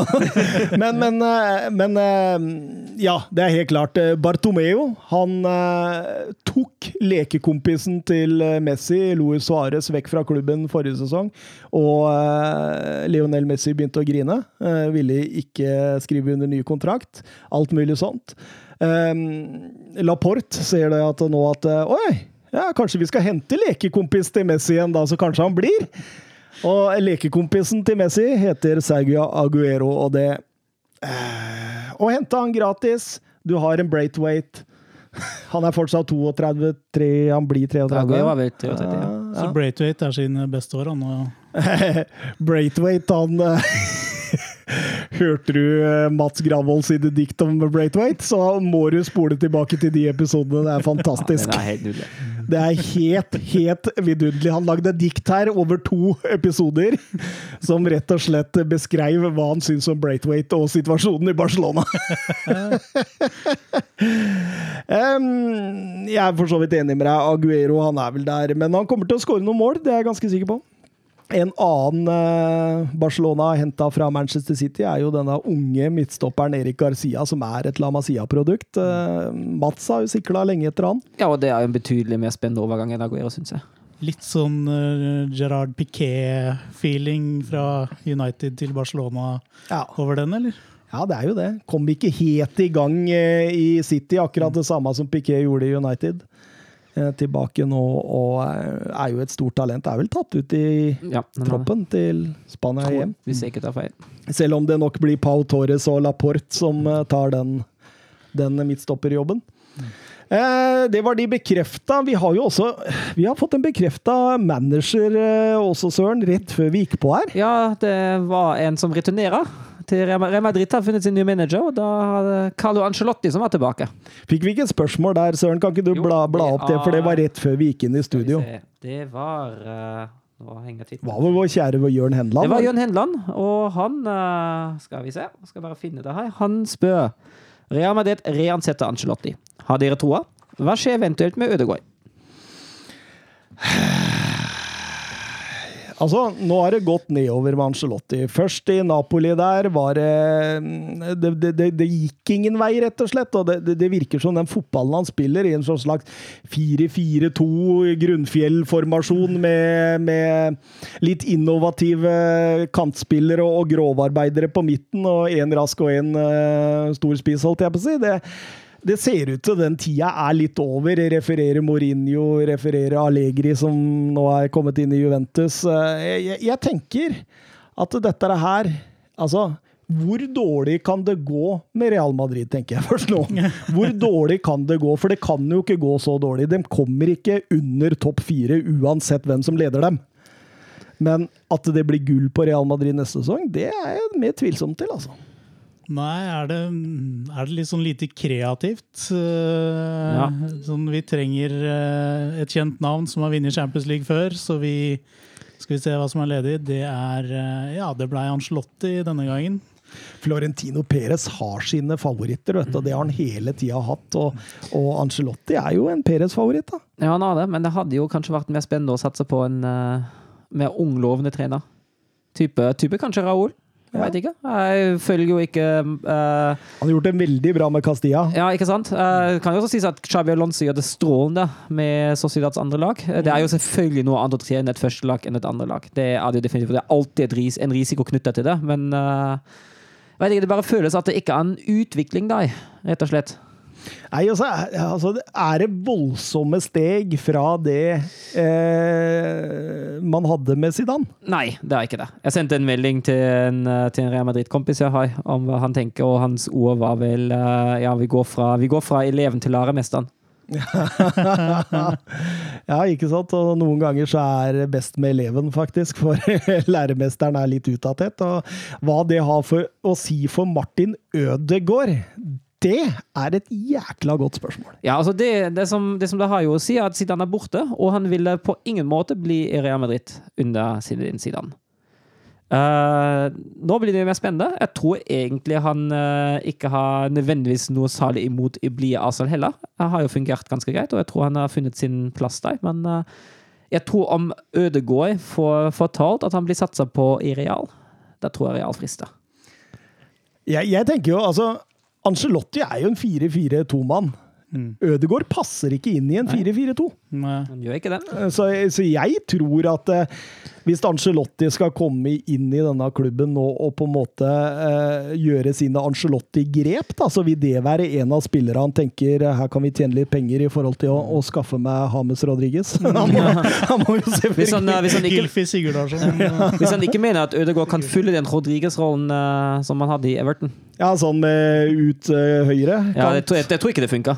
Nei, jeg tror ikke det. Jeg, jeg føler kanskje at uh, Ødegaard uh, kanskje burde gi opp Real Madrid-prosjektet sitt. For Mm. den, hvor han har vært god, det har jo vært i sånn Sociedad og Arsenal. dels i Arsenal. Og, og de, hva skal jeg si, litt sånn Var god i Vitesse, var han ikke det? Jo, Ja, og Heerenveen, vel? jo, sånn hva skal jeg si, Real Betis, uh, Sociedad-aktige klubber. Ja, Arsenal, kan eh, Aston Villa, Newcastle. Uh, Ja. Jeg ser, skjønner.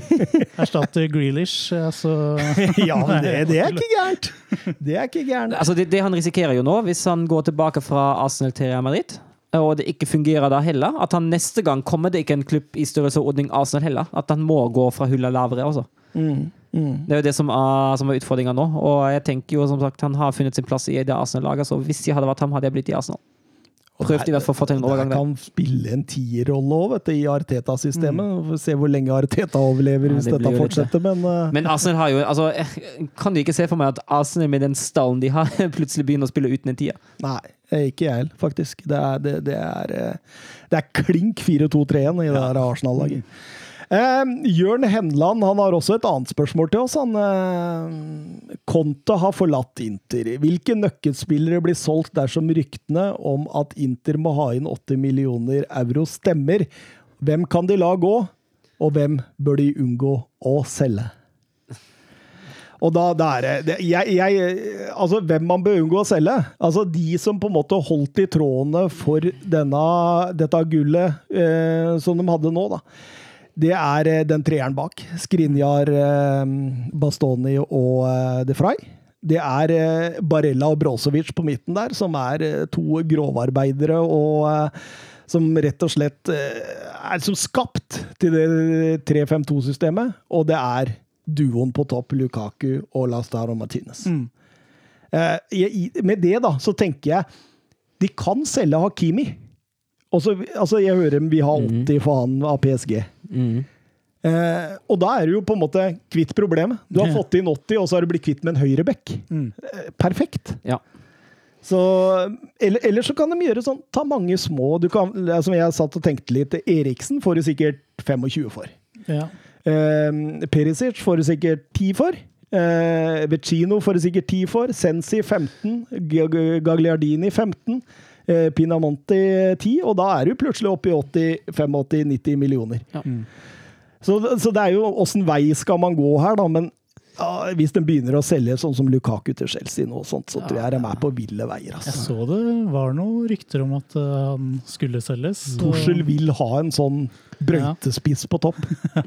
Det snakkes jo om Haaland der. Det snakkes jo om eh, Lukaku. Da snakkes litt om Kane, selv om Kan ikke tenke meg at Kane går til Chelsea. Nei, det tror jeg Nei, i hvert fall ikke. Så eh, det er åpenbart at Tussel er på jakt. eh. Og så var det jo det ryktet i hvert fall rundt Skinja i fjor. Så det kan jo fort hente, tenkes at uh, Men det da er noen- bryter du den treeren, da. Ja, det gjør det. Det gjør det. Uh, den treeren eh, fungerer solid sammen, altså. Mhm. Men det er ikke godt å si. Men jeg tenker, eh, jeg tenker i hvert fall at, eh, at det har, hvis, hvis du altså Det blir som å dra plaster av et sår. Ikke sånn, og, Hakimi! Å, vi er ferdig. Vi er ferdig. Å, deilig. Nå kan vi fortsette. um, rykter og andre ting. Simone Inzaghi er vel på vei til å bli intertrener? Ser sånn ut. Hva tenker eh, vi om det, spør Sander Midtstuen på Twitter. Og da eh, Nå kan jeg få svare for meg, vet du, for nå, nå, er, jeg, nå er jeg, her er jeg i mitt ess. Simone Insagi, han er jo en Conte Light. Så Inter sier jo med en sånn signering at eh, vi vil fortsette i samme spor. Vi vil fortsette med en treer bak. Vi vil fortsette med direkte fotball. Vi vil fortsette, altså, dette her er jo Conte bare altså, der Conte hopper og skriker og skjeller ut alle, så er eh, Simone Insagi en mer laidback, rolig kamerat av en trener. Så det, det, det er jo akkurat personlighetene som skiller, men ideen på fotballbanen er ganske lik. Så jeg tror, eh, tror det kan være greit, jeg også. Etter noen runder med både Spalletti og Conte, så tenker jeg at det- det er fint, fint å få inn en trener som er litt roligere, eller? Definitivt. Burde hente en BP fra Strømsgods, egentlig. ja, ja, han er Bjørn Petter Ingebrigtsen. Ja, er det det han- Er, er gymlærer, ja. Hva er det for noe med norske trenere og gymlærere? Er ikke Tom Nordli gymlærer òg? Jo, jeg tror det. Ja, men, Det er det som skal til for å bli trener i, i norsk eliteserie. Du må være gymlærer! Nei, men, men er det ikke litt sånn eh, med Lazio at eh, de, de har vel ikke liksom hatt midler til å hente de store, men er veldig flinke til å beholde de, de gode i laget, da, som eh, Milenkovic og Immobile og Ja, ja. sånne ting. Og hvis eh, Joaquin kan, Correja, som har vært strålende der. ja, kan ha fått noe samme Inter og klare å beholde de gode, så kan det bli bra, det. Og, og der finner du jo sammenligninger. Så du finner den treeren bak med Aserbi der, og sånt, og så finner du den midtbanen, den hardtarbeidende med Milenkovic Savic. Du finner den duoen på topp, ikke sånn Correja og, eh, og Immobile. Det er jo en slags eh, Martinez og Lukaku, bare litt mindre versjon. altså Lukaku er jo like, altså Immobile er jo like frisk i bakrom som det Lukaku er, selv om de er litt forskjellige bakromsspillere. Så det, det er mye likt, så jeg forstår hvor Inter vil, eh, Søren. Jeg gjør det, altså. Det, det, jeg syns det er en god ansettelse hvis de tenker at det er den veien vi vil gå. Ja, og det er jo ikke alle klubber som makter heller. Da plutselig faller treneren, og så finner man en ny en som står for noe helt annet. Og så Tottenham, eller? Jeg tenkte også litt på Lillestrøm. Ja, du tenkte på Lillestrøm òg. Det jo. Eh, Ciro Lopez, det er en eh, journalist med over eh, en kvart million følgere på Twitter, melder at Sergio Ramos definitivt er ferdig i Real Madrid. Og, og hva oi, oi. tenker vi om det? Eh, Det er vel slutten på en æra. Eh, Hvor skal han? PSG, eller? Begynner å blusse opp rykter om Manchester City nå? Ja. Det er litt sånn Tiago Thiago Silva kom inn i Premier League Ja, det, det er godt. Men samtidig, altså, hva skal City med igjen? De har jo funnet sitt par med, eh, med Diaz og Stones, og det har jo stort sett fungert ganske bra. Nå har Stones rota litt i Champions League-finalen for all del, men eh, Ja, det gjorde de altså Zizjenko òg. Ja, for all del. Kan spille venstreback, eller? Kanskje er det Kanskje er det Guardiola Men- spurte om? Nei, jeg, jeg, jeg ser ikke helt, eh, helt Citys behov til å, skaffe, til å skaffe Sergio Ramos. Det er en klubb som heller ønsker å hente litt mer spennende spillere, som er det lov å si det sånn. Eh, men altså, det at, eh, det at Ramos går for Real Madrid, det, det, jeg tror det er en liten blow, altså. Ja, Jeg jeg tenker jo mitt når en engelsk klubb vil hente Sergio Ramos. eh, Du tenker at Salah bør, Salah bør ikke spille de to kampene? Han skal spares i et par kamper eh, der, for å si det sånn. det er så bra, det der. der. Ja, men, eh, men det, jeg, jeg tror det blir spennende. Ja, men jeg, altså, jeg kan ikke se den i City heller, så jeg, jeg ser den. Marka, som vi sa, vi, neste punkt på lista var egentlig hvilken manager som skulle ta over Real Madrid. Det har vi fått svar på. Det har vi fått svar på. Um, Så forresten, Søren, at eh, Galtier også blei eh, linka til den jobben. Han har ikke skrevet under for NIS enda. Nei. Hva tenker du om det? Hvis Galtier eh, det, Det det må jo vinnes klubber til han som er litt mer sexy enn NIS, tenker jeg det tenker, altså, jeg tenker jo altså, hvis, han, eh, hvis Wolfsburg hadde brytt seg litt Jeg tenkte jeg hadde lett tatt Galtier. Det er jo eh, det er en litt annen fotball enn det Ancelotti og Zidane står for. Men jeg syns det er en litt mer moderne fotball òg. Jeg syns jo han han treffer litt bedre i 2021 enn de to gutta gjør. Men Det er jo spennende hvor han havner. Altså. Altså, Jeg, jeg håper jo kanskje at han havner i en klubb der vi ser ham litt oftere enn uh, to kamper. jeg tenker Galtier Han lykkes jo voldsomt. Altså, han, var god, han var god, som vi var, var inne på i forrige episode i Sant igjen, og holdt dem oppe på toppen av tabellen, eller altså toppsjiktet i hvert fall, i tabellen i man, ganske mange år, og, og, og fikk noen europaplasser der og sånt, men uh, uten Luis Campos, hva er han da, tror jeg? Det, det, jeg er litt usikker der, altså fordi eh, jeg, jeg var så vidt innom det i forrige podkast, denne Louis Campos, denne sportsdirektøren som eh, Han ligner litt på Bielsa vet i ansiktet, med sånne ruller, Ja, ja, runde briller. Litt sånn der ah, lurt portugiser. Altså, de spillere han har henta til klubbene han har vært involvert i, det er gale-Mathias, altså. altså, eh, I Monaco vi snakker Mbappé. Vi snakker Lemar, Fabinho, eh, James Rodriguez, Bernardo Silva, eh, Martial, Bakayoko, Sant Maximæ har han eh, vært med og, og, og flikka inn. En Carasco og Benjamin Mendes. I Lill så har han gjort akkurat den samme jobben. Eh, Nicolas Pepe, Tiago Mendes, eh, Bobakar Somare, som er Leicester aktuell nå, er han ikke det? Eh, Bamba, eh, Rafael Leao han henta, De henta gratis. Han henta Ikone, Jonathan Ikone for fem. Og Seke Selik for to og en halv.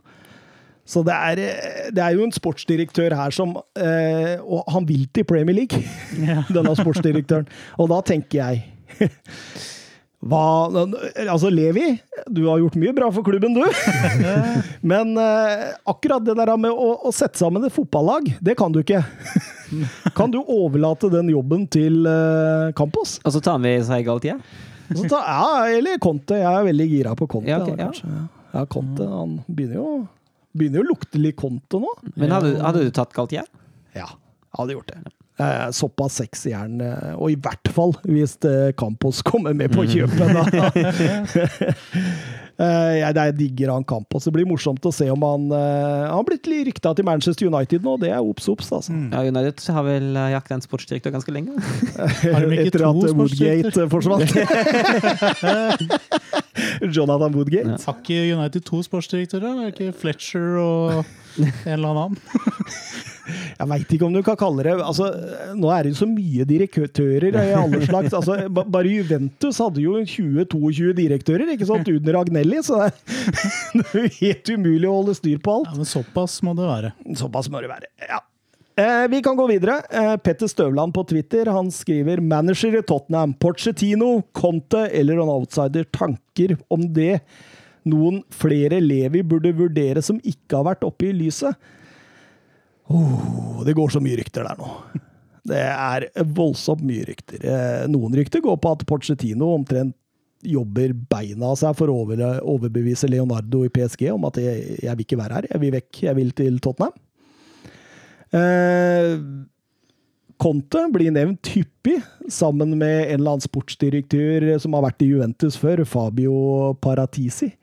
Eh, kan ikke så mye om han, eh, annet enn at det var han som var med eh, Pavel Nedved å overbevise Agnelli om at eh, Allegri ikke skulle fortsette i 2019.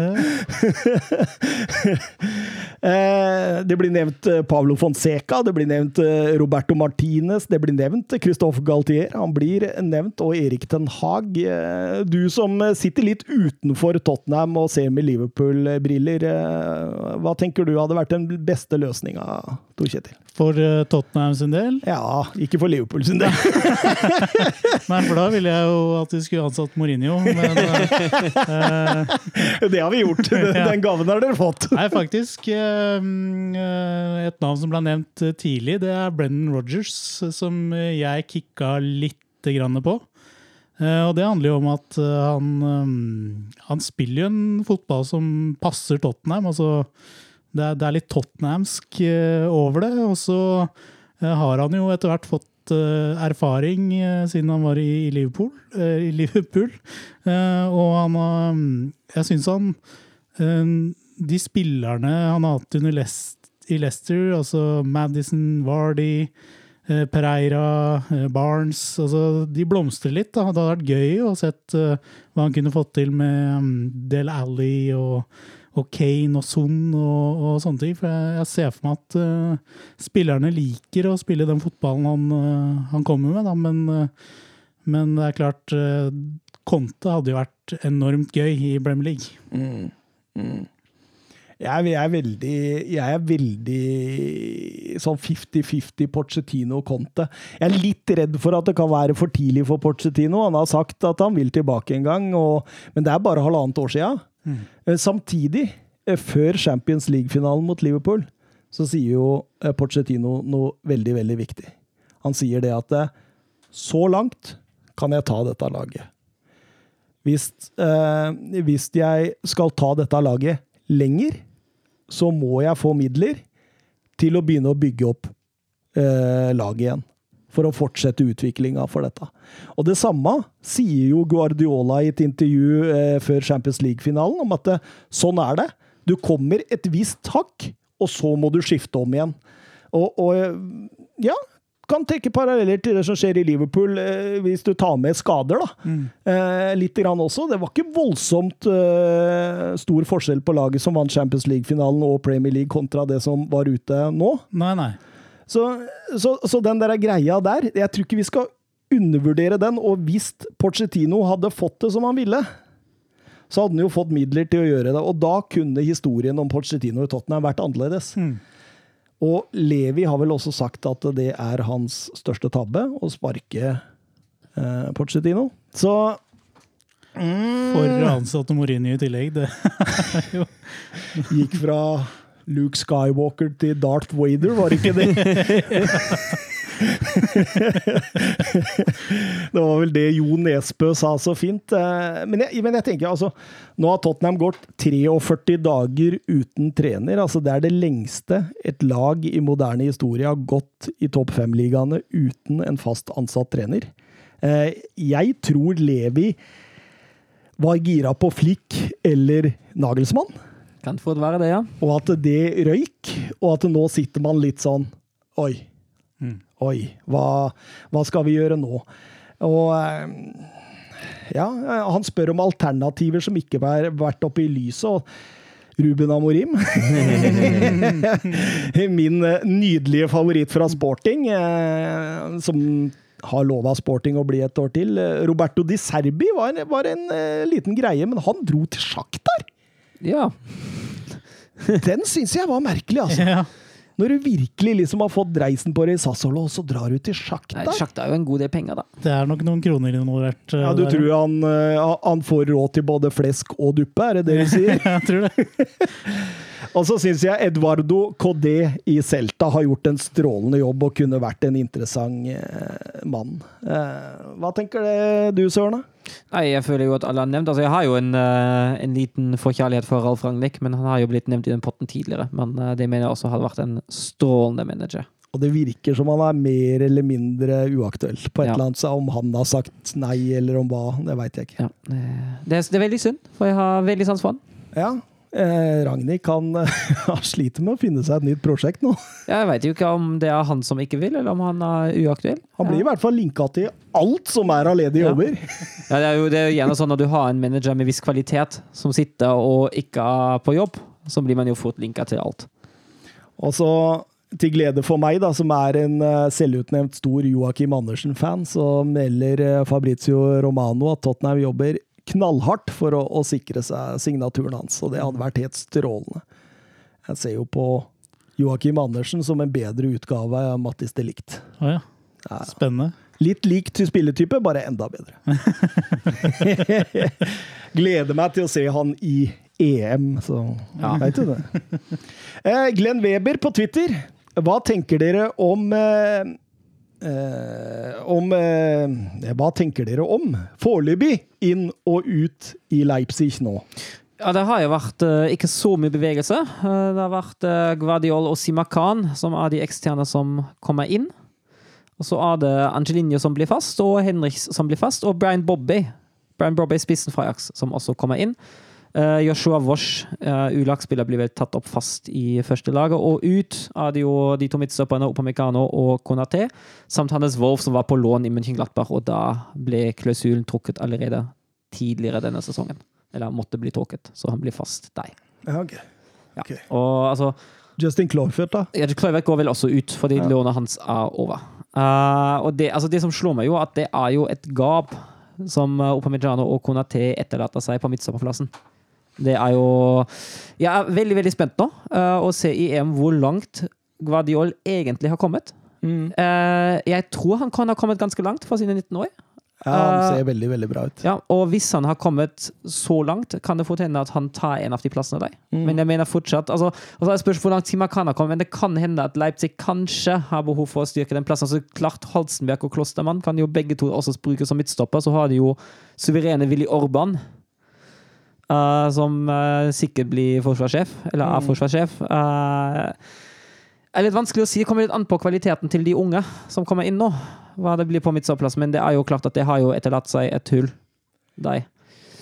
Ja. Og så eh, syns jo fortsatt det laget mangler en goalgetter. Det har jeg gjort hele sesongen. Det er ikke, ikke noe som har vært inn og ut nå, men det er jo kanskje det mest slående i Leipzig-laget. At de mangler en, eh, mangler en virkelig toppspiss som kan skåre 10-15-20 mål. Ja. Det blir spennende å se de greiene der. altså Spesielt eh, det midtstopperparet der med Simakan og, og Guardiol, og hvordan de liksom tar dette nivået her. Det er veldig, veldig spennende. Brobby eh, hører jo mye bra om en i Ajax. Eh, er jo en sånn liten plugg av en uh, spiss som kan brøyte seg vei. Og, men, men samtidig, Søren, så, så leser jeg noen rykter om at det er en Wolfsburg-stopper som kan være aktuell for RB Leipzig. Og den, den hadde vært bitter. Å miste Maxence Lacroix til Leipzig, den, den hadde svidd ordentlig. Det håper jeg ikke skjer. Men det høres ut som Torsel er interessert i nå, skjønner du. Ja, det er ikke rart, det, med tanke på det han har spilt. Men uh, nå har han jo sagt uh, sist at Dortmund var, var interessert. Og sa han jeg har kontrakt her, jeg trives her veldig godt. Og jeg ser ikke noen grunn til å gå. Nei. Men det kan hende at uh, hvis det kommer virkelig et kjempestort bud fra Leipzig eller Chelsea, da kan det fort hende. Har du hørt noe mer om Van Bommelen, eller? Ja, han skal vel klare i morgen. Det er grunn til å gå, da, for Ja. Lacroix. Ja, det er nok det. Jeg er utrolig misfornøyd med det valget der. Jeg tror ikke det kommer til å gå bra. Men når er det transvindu stenger? Det er, vel, er, det ikke, er det ikke vanlig 31. august i år? Eh, Nei, jeg tror ikke det. Jeg, nå bare gjetter jeg, men jeg har hørt sånn oktober. Jeg, 5. oktober. Å, såpass? Er det, for det er etter eh, for, det kan jo hende Champions League-plass avgjør litt Ja, ja. om man blir eller ikke. Nei, Jeg har ikke hørt noe om det. Så overgangsvindu, Går det an å google det? eller? Ja. Overgangsvindu? Eh, hva, hva heter det på tysk? Eh, tra Transferfenster. Tra transferfenster.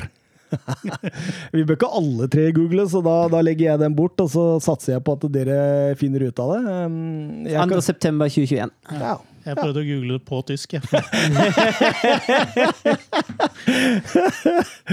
Ja, Da kunne vi jo spurt Mats hvor mange dager er det til, og så Altså, det, ja. Men når var det det var? 2. september. 2. september, ja. Ok, så tidligere enn jeg sa. Men likevel. likevel, Champions League er vel fort avgjort. Mm, absolutt. Eh, leste noe, altså noen rykter om at Olmo kunne bli klar for Bayern München. Eh, har du hørt noe om det i tysk Nei, media? men nå gikk vel Var det Oli Høne som gikk ut nå og sa at eh, Eller en eller annen i Bayern sa at man har Upamecano. Det er greit, den henter vi, men vi har ikke råd til flere overganger i den størrelses, størrelsesordningen. Og jeg kan ikke se for meg at uh, Olmo blir særlig mye billigere enn Upamecano. Nei. Så det, det tror jeg ikke er aktuelt. Nei, absolutt ikke. Ehm, Twitter, Sandra HJ. Kan dere berolige meg og andre Aston Villa-supportere med at Grelish blir? Kan du berolige Sandra Torkjetil? Uh, jeg tror han blir. Du tror det, ja? Jeg tror det. Jeg tror uh, jeg, jeg klarer ikke å se for meg um, ja, hvor han skulle gå, egentlig. Det er det- jeg sliter litt med. Altså, han hadde jo selvfølgelig vært god nok for de aller, aller fleste klubbene, men så, så tror jeg også Grealish trives med å være stjerna i Aston Villa, i stedet for å være en av mange i, i bl.a. City. Så, så, så jeg tror han setter pris på det, og at han da klarer å, å bli overtalt til å bli, da. Mm, mm. Ja, det er spennende. United virker i hvert fall mest opptatt av Jaden Sancho. Ja. Uh, og det, det, det utelukker jo dem, for så vidt. Uh, begynner å blusse litt City-interesse, da. Det, det snakkes jo litt om at Stirling kan være på vei ut. Arsenal er interessert. Uh, Tottenham i forhold til Kane har blitt snakka om angående Stirling. Så vi, vi får se, men, men det er, jeg er litt enig med deg. Altså, at hvem skal hente den? Det er der det ligger, Ja, det er akkurat der det ligger. Jeg er helt enig i det du sa. Det. Det, altså, City kommer, hvis City bruker mye penger i år på en spiller, da blir det en spiss. Mm. Ja, absolutt. Eh, hvis de klarer, som ryktene også tilsier nå den siste tida, at eh, altså Hold dere fast. Ryktene som går nå om Harry Kane, er at han kan skrive under for Manchester City med Stirling og Gabriel Jesus i retur, som et rent bytte uten penger, og at det da Oi. fortsatt kan bli penger til å hente Grealish. Det er der de Oi, det er jo kreativt i så fall. Men eh, hva, hva tenker du som Tottenham-supporter? For liksom, altså, da tenker jeg jo umiddelbart, Hvis jeg hadde Tottenham-supporter, vet jeg ikke om jeg hadde sagt ja til den dealen. Altså. Nei, selvfølgelig. Du, du, du vil jo ikke miste Kane for enhver pris, egentlig. Nei, det- Altså, altså det, det er klart, kommer du med Kommer du med Kevin De Bruyne og, eh, og um, Virgil van Dijk og, og Trent Alexander Arnold og, og Alison, så hadde jeg sagt ja. Ja, og så tenker jeg altså, Når man først, når man først skal, skal, skal bli kvitt den, altså når man først skal bli solgt, tenker jeg at det er greit å selge for penger. At man kan bygge sitt eget lag etter egne tanker og ideer. ja. Og så er vel ikke Gabriel Jesus eh, noen frelser noe sted, tror Nei. jeg. Det kommer deg i tillegg. Det er en eh, ja, Søren er veldig glad i nå. Ja, men hater ikke han Haaland, eller?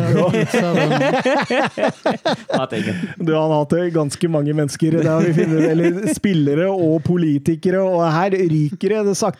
Sist var det hun der som synger den der, den der 99 sluffballong. Nena, jeg hater ikke henne.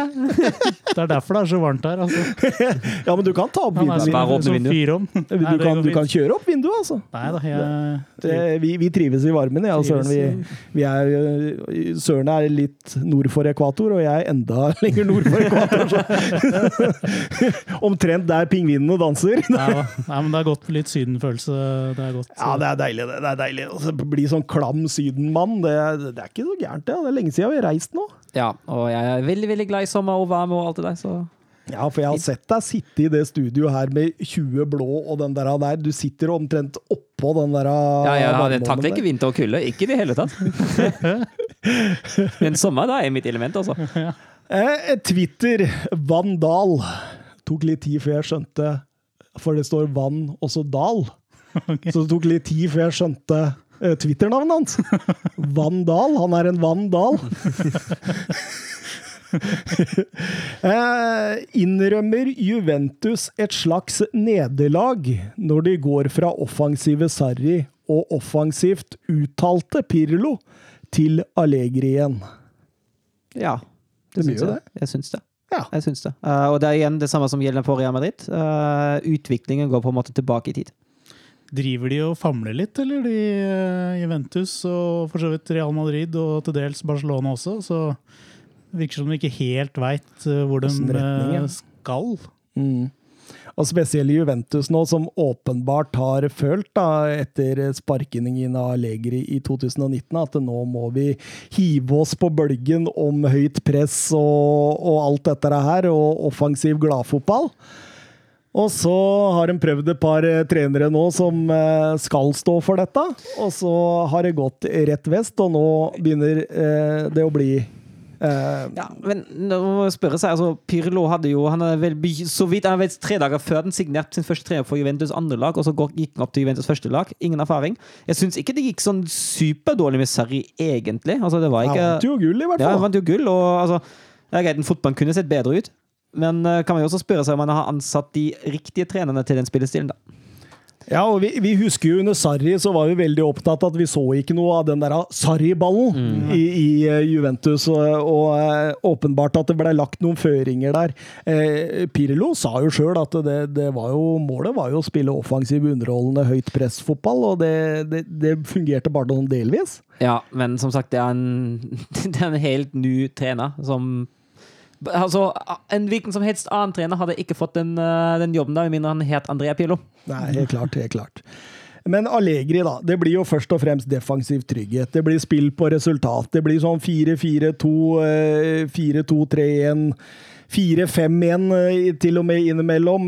eh, Bort med høyt press. Det er, det er, litt- det er litt um, Får jeg lov å driste meg til å si litt sånn Mourinho-opplegg, liksom. Ja. Eh, Men det har jo gitt resultater tidligere. Han har fem Serie A-titler, han har fire Copa Italia, han har to Champions League-finaler i Juve, og ja, det er, du skal aldri si aldri.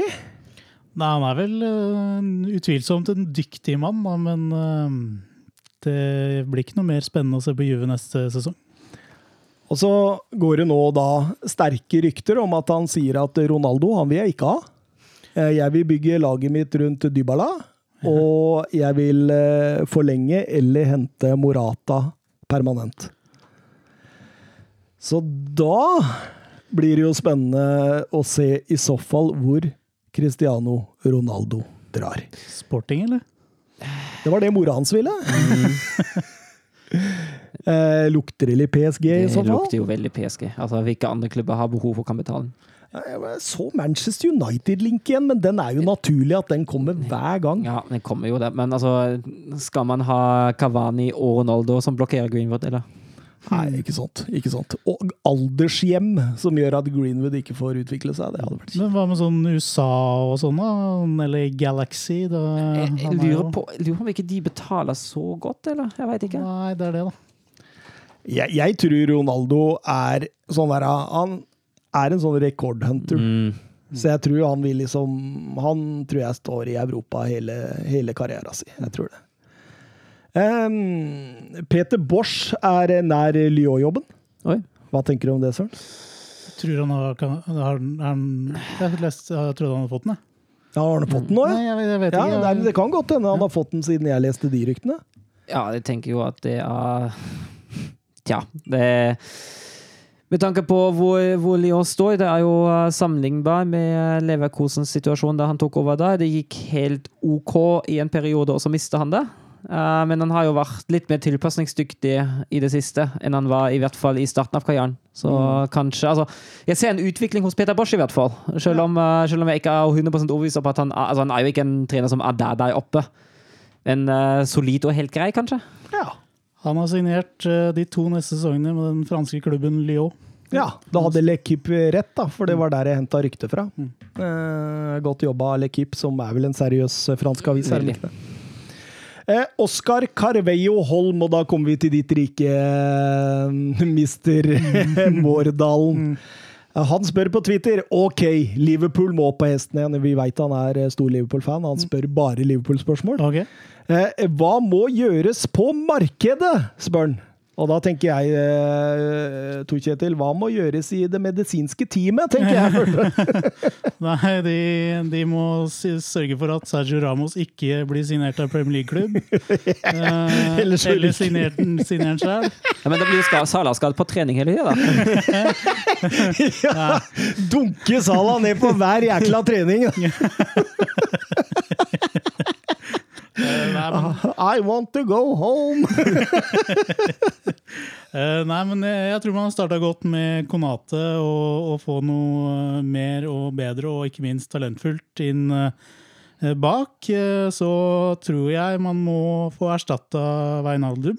Uh, på en eller annen måte med, med en, en god spiller. Og så kunne jeg godt ha tenkt meg en spiss som kan være et alternativ til eh, Firmino, som, som har noen, eh, kanskje noen andre kvaliteter som han kan sette inn. Å, du sier Firminio.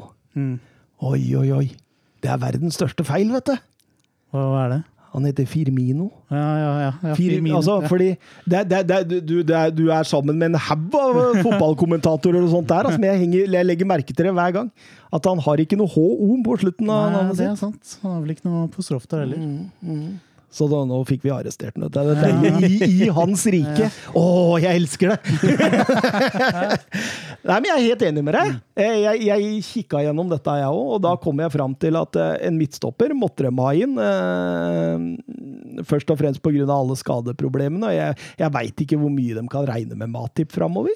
Nei, han er han er grei å ha som breddespiller, og så kommer han inn og har noen veldig gode perioder, men, men du, du føler alltid at du, det finnes noen bedre enn Matip øh, der ute da, når han spiller. Ikke sant? Altså På midten der så tenker jeg Jeg ville jo kvitta meg med kanskje Oxlade Chamberlain og, og Keita og, og Ja, Keita kan nok uh, få lov til å pensjoneres som Liverpool-spiller, uh, føler jeg vi har prøvd og sett nok. Eh, og det funka ikke. eh, så Hører dem tilbyr den til Atletico Madrid nå, går ryktet på. Ja, ikke sant? Så får vi se om Diego Simione biter, eh, Søren. Ja, det er jo en spillertype som han elsker. Ja, det er jo det. Men jeg ville henta minst to nye indreløpere. jeg. Ja, det, altså Milner, eh, Milner er nok ikke fremtiden, for å si det sånn. Følger du den Twitter-kontoen Boring Miller? Ja. Det er fantastisk! Har du sett når han satt og telte steiner, eller hva det var? Nei. Det var Milner sjøl, da. Ja. Som satt og telte steiner jeg tror det var på Instagram eh, for å få tiden til å gå. Så løfta han sånne steiner på gårdsplassen og telte hver enkelt av dem. Boring James Miller. Det er fantastisk. Eh, men jeg er helt enig, og, og, og, jeg tenker jo sånn som en Harvey Elliot må jo få rendyrka etter hvert. Fint å gå inn som en sånn backup til Salah. Eh, tenker at eh, spillere som Origi og Shakiri kan man gjerne selge. Ja, de Særlig når du har fått Yota nå. Ja, ja. Og han skadefri en hel sesong, så, så han kan jo bekle mange, mange roller offensivt også, så, så det, er, det er spennende. Jeg er nok enig i at jeg kunne godt trengt et par på midten og få dytta ut et, noe av daukjøttet som er der. For det er, det er litt som du sier, eh, man trenger egentlig en liten Makeover. skift. en, en liten generasjonsskifte. Ja, man gjør det, altså. Innimellom.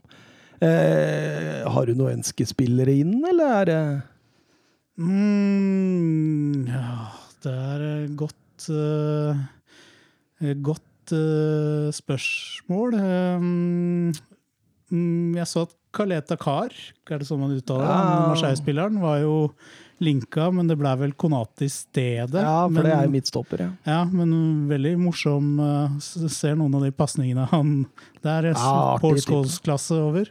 Type det der. Mm, eh, jeg så også, det veit jeg ikke hvor seriøst det var, men han uh, Hlusjek, Holosjek.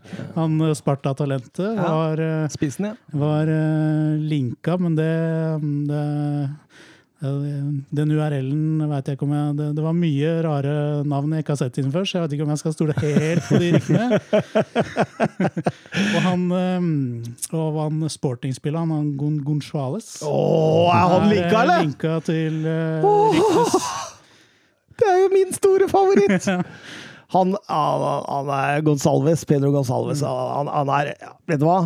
Eh, Han har bedre stats i sporting enn det Bruno Fernandes hadde før han dro til Manchester United. og Det sier det aller meste. Han ble tatt ut nå, for første gang, i den portugisiske EM-troppen, og det blir spennende å se om han får tid. Han er på min liste. Ja, nei, det, det hadde vært gøy, men Ja. eh, det er jo som sagt løse rykter mye, da. Ja, jeg, jeg, jeg satte opp en liten sånn, fordi det å spille nier i Liverpool, det er jo ikke bare bare. Nei. Og du, du, du må jo være god til å kombinere, og så må du være en brukbar avslutter. Du må være bra teknisk, du må holde på ball feilvendt. Det er mange sånne ting. og jeg- fant et par spillere jeg syns har vært interessante i Liverpool i den rollen, og da snakker vi om Korea i, eh, i Lazio. En en nydelig fotballspiller der. Og en Lautaro Martinez i Inter hadde passa Liverpool ekstremt godt. Og så hadde det ikke vært kult, Søren, å prøvd en Luka Jovic der. Jo, jo, jo jeg, ser- jeg ser hvor du vil. Ja. De Da får kunne- du med serbiske wags på kjøpet. De er jo tror jeg, Ja, altså, altså, han er jo ikke den, han han er ikke den enkleste utenfor banen heller, skal det sies. Uh, men det Men er Kopp, Klopp har ja, Klopp får, Klopp får kustes på han, altså. Han har temma folk før, ja, Ja. ja. Uh, så det, er absolutt, det hadde vært veldig spennende å ha Jovic i, uh, i Liverpool. Men så skal jeg si deg, nå skal jeg, nå skal jeg eh, drysse litt sånn, eh, hva heter englestøv over ditt Liverpool-hode, og så skal jeg fortelle deg noe interessant som jeg kom over på weben i dag. Okay. Og det er at flere kilder hevder at eh, Liverpool har klart å rappe en 17 år gammel ghaneser foran nesa på Leverkosen og Dortmund. Han debuterte for A-laget til Ghana i mars, og blir eh, omtalt som et av de største afrikanske talentene på mange herrens år. Han heter Fatawa Abdul Isahuk. Et eller annet sånt. Og er en offensiv midtbanetype som åpenbart ikke enda får arbeidstillatelse i England, så de har ordna med at han muligens kan dra på lån et annet sted. Og dette her er, kommer fra ganske sikre kilder, Ja, spennende. så det hadde vært eh, interessant. Eh, aldri hørt om den før, så det var sånn what? Nei, ikke heller, men jeg tenker, jo, jeg tenker jo at hvis Liverpool klarer å rappe den, særlig foran Dortmund, da, da må man jo ha tilbudt ham noe godt. Ja, ja. Da er det et eller annet han har sett deg. Men eh, interessant og eh, morsomt og, og, og hvis du har debutert på Ghanas A-landslag som 17-åring, så nei, det er ikke, Ghana er ikke smågutter. Det er Nei, nei, det er absolutt eh, spennende. Høres spennende ut. Hvor er, hvor er det han spiller i dag? Er det, det det, var et eller annet ghanesisk. Ja, er et eller annet ja. der, ja. ja. Jeg skal ikke tørre å uttale Det var vanskelig å uttale navnet, faktisk. Så det, men bare husk Abdul, så husker du. um, videre, Paris Saint-Germain ønsker å hente AC Milans Theo Hernandez. Uh, Milan har sagt ja, så lenge det ligger 40 millioner euro på bordet. Det hørtes bra deal ut. egentlig. Ja, jeg PSG hadde jeg slått til med en gang, altså. For en, eh, en fantastisk offensiv eh. Så det betyr at PSG kan ende da med en Donnarumma i mål, og en Hakimi på høyre og en Theo Nandos på venstre. Og en Ronaldo på topp. Det begynner å lukte Champions League. Det, det gjør det, da. Ja. Men så, så er det det der jeg har sittet og tenkt på. Er den der vanlige hverdagslige matchinga de får i league Ø godt nok for å vinne Champions League? Er det der det skorter? Jeg vet ikke, altså, hvis du tenker De var jo De var jo nare både i altså I år var jo City City var jo klart best for all del. Eh, men eh, de kom til semifinalen. I fjor var de nare i finalen. Eh, det kan jo se sånn ut, altså hvis du klarer å bygge et godt nok lag. Da ser jo ikke den matchinga ut til å ha så mye å si. Det Kan jo også være en fordel at du kan hvile de viktigste gutta i de seriekampene mot, mot lag som Dijon og Brest eh, og det der. Og så har du dem klare på stedet når det, skal, når det gjelder å prestere i Champions League. Så det kan gå begge veier. Jeg så forresten en veldig fin en her om dagen. Eh, de hadde tatt eh, eh, NIS spilte mot Brest. dere, dere, dere skjønner hvor jeg Søren knekker Ja, da bør jeg ikke forklare det nærmere. Eh, Didrik Tofte Nilsen på Twitter. eh, Hva legger Søren i Lewandowskis uttalelser nå? Ja, altså Det han har sagt, eh, for å si det, det var at han er åpen for framtida si. Open-minded blir det oversatt med til, eh, til engelsk. Og han eh, Ja, han sa rett og slett ikke at han blir i Bayern. Han sa ikke veldig mye om det. Eh, Det jeg tenker rundt det, det er egentlig at Lewandowski ønsker å spille på et lag som kan vinne Champions League. Han har ikke vært fornøyd eh, etter sigende da, med overgangene til Salihamidzic den sommeren, eh, noe som jeg skjønner ekstremt godt. Hans, hans ønske er at Bayern nå tar et tak og forbedrer laget på de svakhetene de har, også i bredden. Og får vi se, da. Eh, han har jo kontrakt i 2023, og jeg kan ikke se for meg at Bayern selger han denne sommeren. Det tror jeg ikke de gjør, eh, hva enn det blir tilbudt. Altså det, det må nesten være helt sinnssykt for at Bayern skal gidde å selge Lewandowski, og det har sjefen også sagt klart ifra. at Det er helt uaktuelt han blir. Og med tanke på at han har kontrakt to år til, tror jeg det fort skjer at han blir. Men eh, jeg tror han prøver å få legge litt press på innkjøpsavdelinga, at her må det noe til. og Ja, ja, han tar en Lionel Messi, altså. Ja, på en måte. Han veit hvilken verdi han har i klubben, altså. Og jeg, skjønner jo han veldig godt. Altså, han, eh, ja, jeg er jo veldig, veldig enig med ham. Absolutt. Jeg- Men, men samtidig, da. Det, det kan jo godt hende han føler han har runda Bundesliga. Ja, hva er det han har igjen å oppnå der? Etter Ja, er et, et, et, Signes kan trives veldig godt i München, da. I klubben og i byen. Og, ja. Men er han i nærheten av eh, Gert Müller sin sånn all time high toppskårer? Han har vel uh, rundt 90 mål igjen. Uh, Tre sesonger, det. Det Hvis han fortsetter sånn. Ja, ja. Så har han den nå. Da har han runda Bundesliga. i Ja, hvert fall. Han kan legge opp med Og god det, er jo, samvittighet. og det er jo en spiller med, med tanke på den fysiske forfatningen han er jo, med tanke på hvor profesjon- profesjonell han oppfører seg utenfor banen nå, som fint kan fortsette tre, tre sesonger på det nivået han er på nå. Altså. Mm, Det er nesten, det er nesten en Ronaldo-type, med tanke på den innstillinga der og den kroppen der. Men hvor skulle han gått øh, hvis han skulle gått? Er det sånn City, Real Madrid øh, som er Altså, Chelsea. ja, det, det som sies, er at eh, PSG er helt uaktuelt for han. Hvis han skal gå, er det eneste som er aktuelt for han Premier League eller La Liga. Det er de to stedene han drar, hvis han, vil, eh, hvis han skulle ønske å dra. Men eh, PSG Det har hatt noen løse rykter rundt PSG òg, men da har tyske journalister vært på, på stedet ganske kjapt og sagt PSG skjer ikke.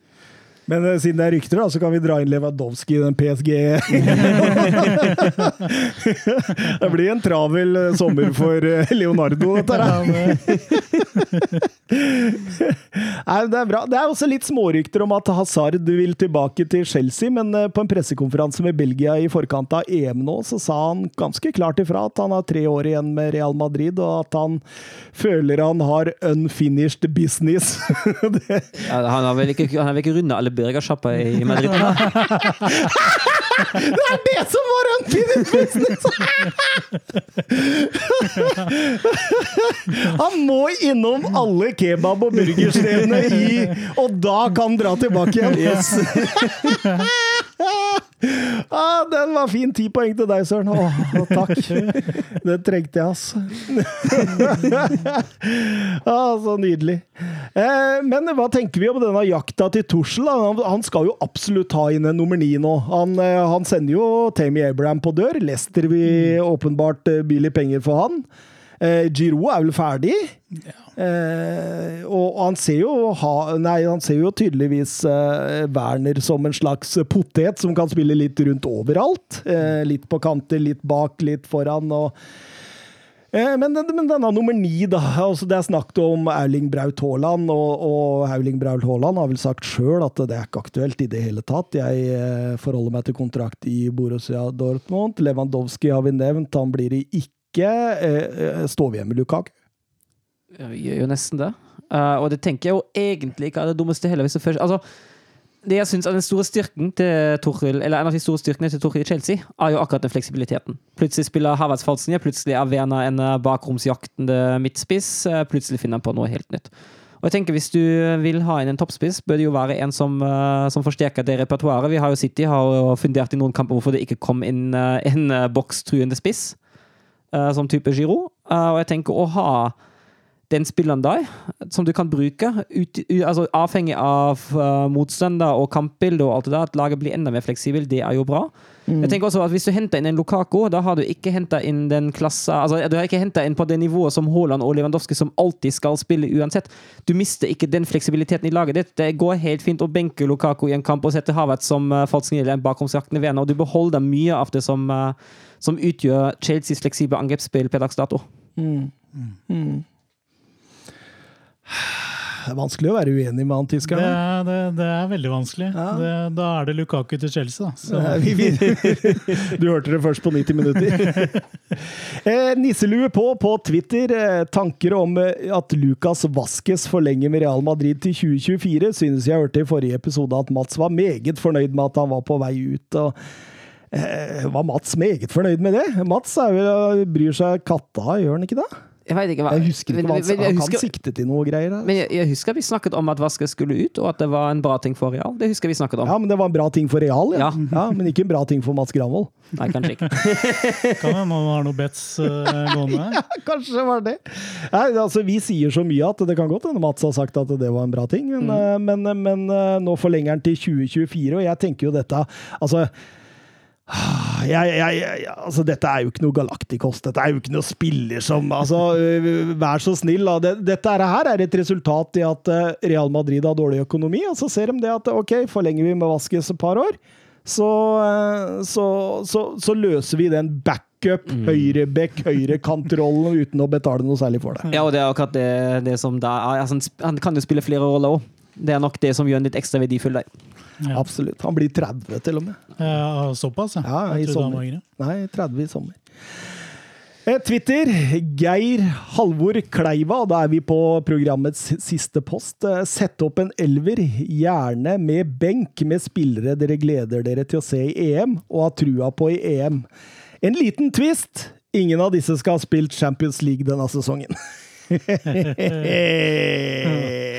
deilig, deilig. Det er sånne lag vi liker. Ja.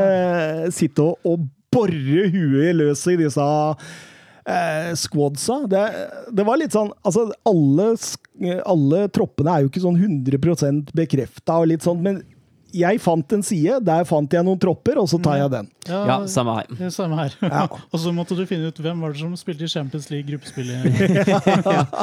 Jeg satt med alle de laga foran meg, sånn at jeg liksom bare kunne Ok, han var borte, han er borte. Og da fant jeg det, Den kan jeg nevne. Eh, Jeg fant jo eh, For eh, Sygankov på, eh, på Ukraina han, han er jo så deilig, vet du. En sånn lettbeint eh, kantspiller. Mm, 23 år. Eh, hadde vel 12 mål på 20 kamper eh, for eh, Dynamo Kiev. Og så fant jeg bare Nei, Dynamo Kiev var jo i gruppespillet. Ah, da ryker han. Men, men vi, vi kan jo begynne, da. Vi begynner, har, vi, har du noen keepers, eller? Du, jeg var så kjedelig, så jeg satt opp Donnarumma. på Men det var jo, den, det, var jo det mest nærliggende. Jo, Det men var så, så er det litt sånn gøy med EM, for da får du sett de du ikke ser så ofte. Jeg har ikke sett så ofte på Serie A. Og det er det som er litt spennende med VM og EM. da, Å se de der du ikke ser så ofte, men alltid hører om. Jeg og Søren vi ser Donnaroma hver uke når vi følger AC Milan, så eh, vi, vi setter jo ikke de samme kriteriene der, men det, det var jo ikke sånn voldsomt altså Stort sett alle keepere har spilt i Champions League omtrent. Ja, du har, du har jo, du har, det er to til. Altså, Manja, men han er jo bare reservekeeper i Frankrike. Kunne sagt Hugo Loris. Ja. Eh, men, men Manja, altså, tenk, hvis, hvis Manja hadde fått muligheten, hadde det vært gøy å se. Ja, men der er Hugo på plass. Ja, jeg vet det. Eh, og for mitt, for mitt personlige har jeg lista opp uh, Pava og Pevan for han spiller i Wolfsburg. For all del, men uh, Jeg har Martin Dubravka, jeg, da. Ja, ja jeg Ja, vurderte ja. han, eh, jeg òg. Selv om jeg ser en uke inn og uke, uke ut, han òg. Men uh, morsomt å se hva han får til med sitt Slovakia. Eh, men eh, skal vi kjøre Donnarumma, eller han har vært Ja. på så mange lag uansett? Så. Ja, vi tar, vi tar Donnarumma. vi. Ja, vi gjør det. Skal jeg bare Har du Ja. penn, Søren? Nei da. ja, jeg fant en sjøl. Det er eh, litt som fløteis. Det er ikke det mest spennende, men eh, det funker. Det, er- det er godt innimellom, ja. Det er helt klart. Og Donnarumma er godt. Nei, men den er fin. Høyrebekk. Ja, da har jeg jo Jeg har jo nevnt det tidligere i programmet at uh, Celik Ja. gleder jeg veldig til å se. Uh, også, jeg har også nevnt Castanjo Mbabo, men uh, Celik har jeg som uh, nummer én. Det blir gøy å se. Sekker Celik i Tyrkia. Det er jeg helt enig med deg.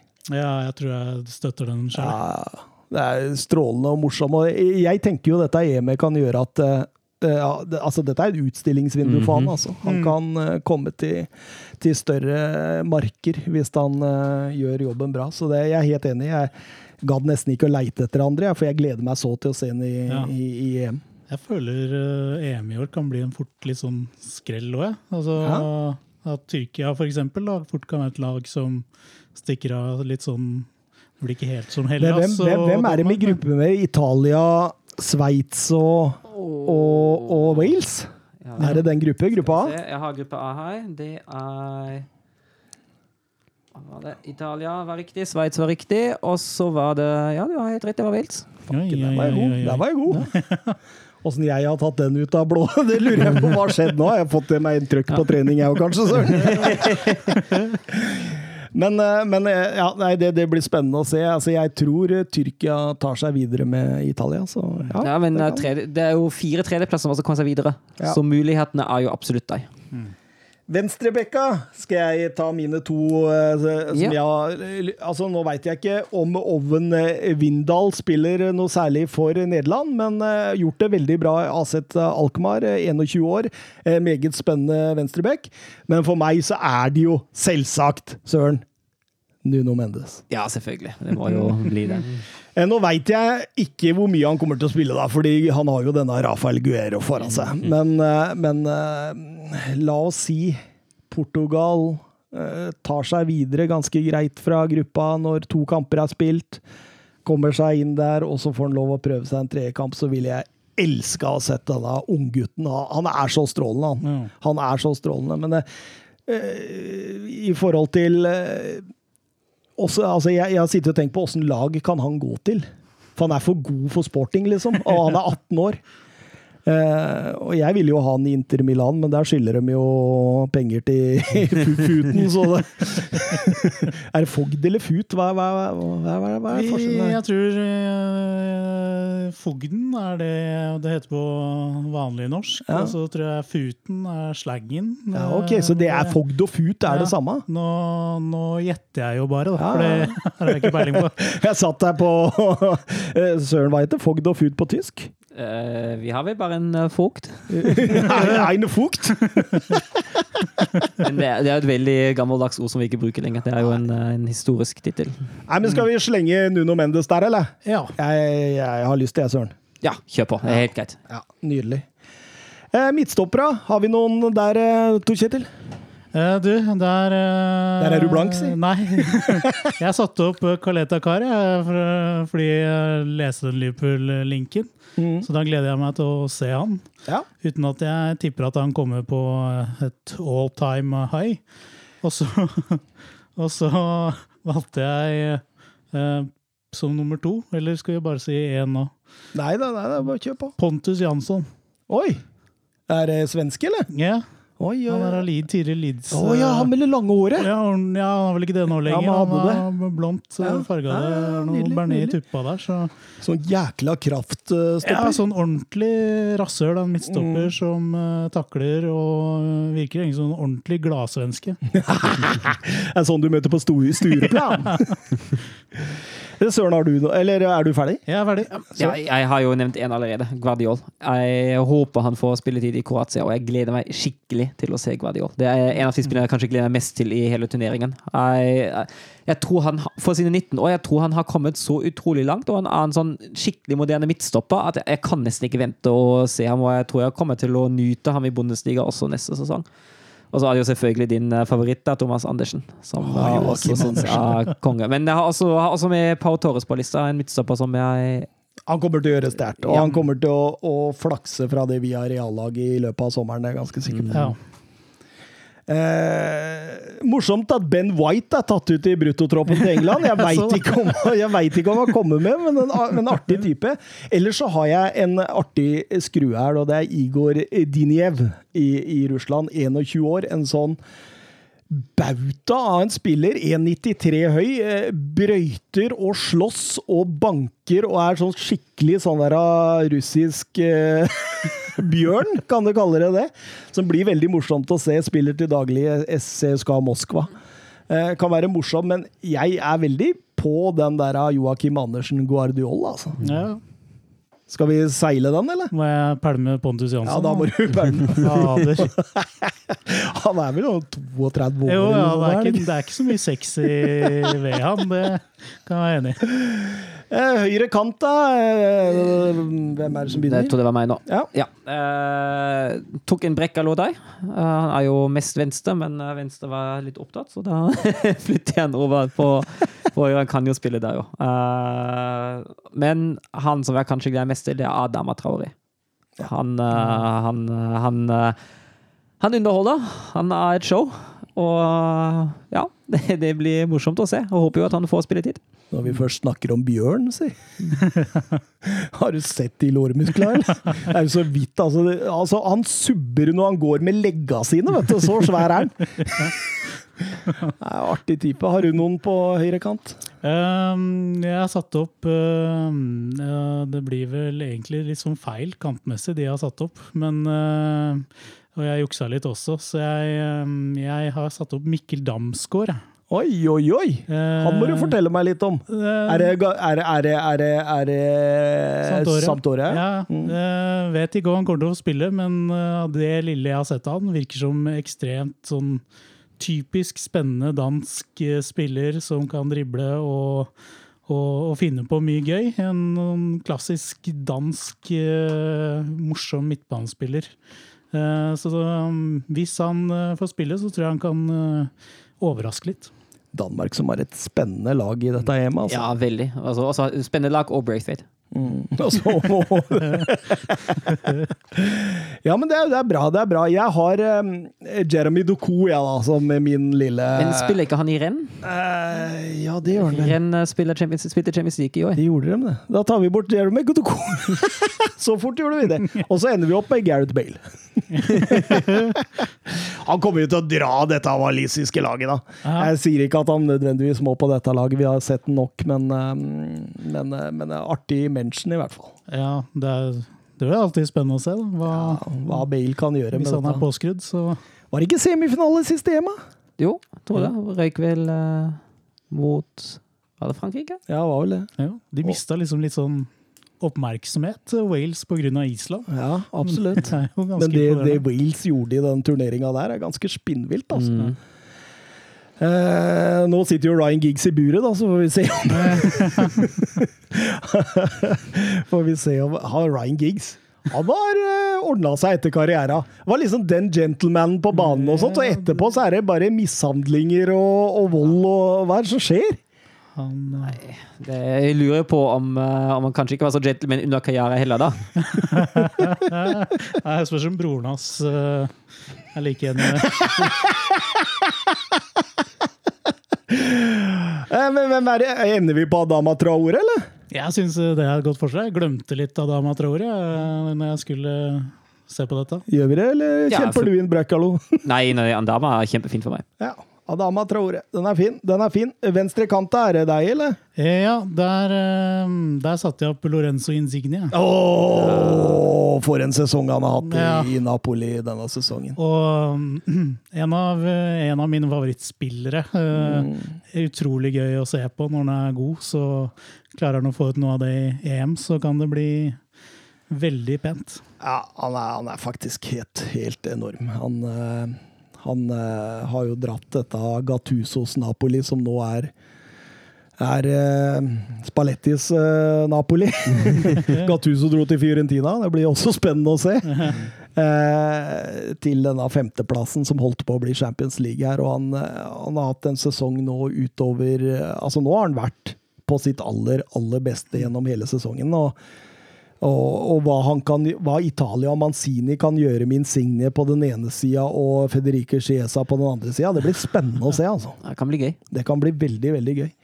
Eh, har du noen du, Søren? Eh, kan jo nevne Oyasabal, Ja. som jeg syns er en uh, fantastisk morsom fotballspiller. Uh, ellers uh, er jo mest sentral, men uh, Chalanolo på venstre, det kan være morsomt, det òg. Og selvfølgelig Nei, han kan jeg ikke ta. Never mind. Jack Grealish, han kan du ta. Han kan, kan ta Jack Grealish, men Jack Grealish har satt sentralt. Ja. Ja. Men uh, ellers hadde jo Jack Grealish, vært litt sånn selvskreven på men sentralt er det så mange at uh, han, jeg syns vi, ja, vi kan dytte den inn på venstre i så fall. Men, Kan gjøre det. men jeg har Cody Gakpo, jeg. Ja. Uh, Denne mm, 99-modellen eh, fra PSV, strålende type fotballspiller. Skal du si at PSV var i Champions League òg nå, eller? Nei, Nei, var- PSV var ikke det. Nei, for det var Ajax og Ja. Det var bare Det var Ajax. Ajax. bare Ajax. Ja. Så da kan jo Gakpo komme inn der. Ja. Mm. Eh, strålende kantspiller, så det blir spennende å se. Men jeg tror ikke han eh, spiller førstefiolin. Så eh, Nei, jeg- Insigne er veldig klar på han, altså. Ja, ja. Ja. Ja. Jeg liker det. forslag. Jeg er mest spent på å se hvor, hvor mye Insigne kan gjøre ut av dette mesterskapet med Italia nå. Det blir veldig spennende å se om han kan videreformidle det han har gjort i Serie A, for da kan det bli morsomt å, å være italiensk fotballsupporter i sommer. Ja, og så mm, føler jeg det er på tide at han liksom viser Ja, han, han trer opp en hylle, ja. Ja. Jeg skjønner hva du mener. Ja, ofte referert som det litt sånn nest beste, men Ja. eh, har kvaliteter til å nå helt opp der, faktisk. Eh, sentrale. Der var det så mye. Der var det så mye. Eh, jeg, jeg kan jo ta lista mi, da. Ja. Eh, Thomas Sjosjek. Det blir morsomt å se hvordan han gjør i Tsjekkia. Selvfølgelig. Eh, Manuel Locatelli i eh, Sassolo Italia. Det er Strålende fotballspiller. Holding. Pedro Gonsalves. Selvfølgelig! Eh, så får vi se da i dette stjernemannskapet Portugal hvor mange minutter han får. Det, det blir veldig spennende å se. Jori Tilemans. Se hvordan han gjør det videre der i Belgia. Glenn Camara, har dere hørt om han? Han eh, finnen på Ja. Rangers. Ja, ja, ja. ja. Ja. defensiv midtbanespiller i Rangers, som, eh, som, som var med å vinne ligaen for eh, Rangers og var ganske vital i Gerrard sitt uh, oppstilling. Spiller sannsynligvis for i, i Finland. Morsomt å se på. Eh, Nikola Vlasic i CSKA. Eh, 23 år, sånn målfarlig offensiv midt. Hadde vel 11 mål på 26 kamper i CSKA nå, eh, og, og er ikke fremmed for assists heller. Elif Elmas i Napoli eh, for Nord-Makedonia. en spennende type. Kasper Kolowski i, i eh, Polen, 17-åringen som jeg har hatt som ukas talent. Eh, Pierre Melil Høibjerg Ja. Er en. Theon Coopminders, boks-til-boks-spilleren i Aset. Eh, veldig spennende å se om han kan slå ut for full blomst. Eh, Fabian Ruiz, Declan Rice, Golovin i Russland. Her er det mye, altså. Du, du glemte en Nord-Makedonia, da. Jeg har ta, det, det, det er egentlig mest av egen interesse. Ferhan Hassani. Han uh, spilte fire Bundesliga-kamper for Wolfsburg i 2012-13-sesongen. Var helt krisedårlig. Det var sånn eh, klassisk, eh, klassisk panikkjøp. Og nå spiller han i Partisan, men Ja. ikke det serbiske Partisan. Spiller i Partisan Tirana i Albania. Og er den nordmakedonske landslagsspiller og har vel tatt ut i den eh, endelige troppen. Og jeg veit ikke om han får spilletid eller ei, men uh, ja. Jeg sier bare til Kleiva, ja, du må være fornøyd med dette når vi tar med to nordmakedonske spillere. da får du Og vi har ikke vært innom spissene ennå, så jeg, altså, et, et av kriteriene var jo at man skal ha tru til spillerne, og jeg har null tro på at Ferhan Asani spiller et godt mesterskap. Har du noen å legge til lista, eller? Eh, Jeg satte opp eh, Gonsalves. Å, Og så har Liverpool-hjertet mitt eh, også satt opp Harry Wilson, fordi mm, Ja. Mer fordi jeg unner han å slå gjennom som en Premier League-spiller, egentlig. ja. Og vise seg på et høyere mm, nivå. Men Har et voldsomt venstrebein. Og, ja, det er følsomt. ja. Jeg er litt keen på Locatelli. Jeg syns Locatelli er en uh, herlig fotballspiller. Ja, Og det ja. hadde vært uh, Pedro Gonsalves og Locatelli, Og kan det- vi stå inne for det? eller? Og det er jo fint balanserende, det òg. Det er nydelig balanserende. Ja, det var ingen av de jeg, Det var ikke veldig balanserende, det jeg kom med, så det høres veldig lurere ut. Nei, men det er greit. Jeg er med på den. Ja. Gonsalves og Locatelli. Da får man en sexy midtbane, en holding og en som kan produsere litt framover i banen. Spisser, da. Har vi noen der? Det har vi selvfølgelig. Jeg har én som jeg absolutt har lyst til å få med på det laget, og det er Hlosjek. Vi har vært inne på ham før i denne podkasten, og jeg, jeg gleder meg. Jeg ser jo lite tsjekkisk fotball, men å se Hlosjek nå for første gang virkelig i, på en stor scene Mm. etter en eh, kjempegod sesong han hadde i Tsjekkia, det gleder jeg meg ekstremt til. Ja. Jeg har også satt opp han. 2002-modell. Mm. Stor av vekst, ta plass, er sånn ekstremt god i boks.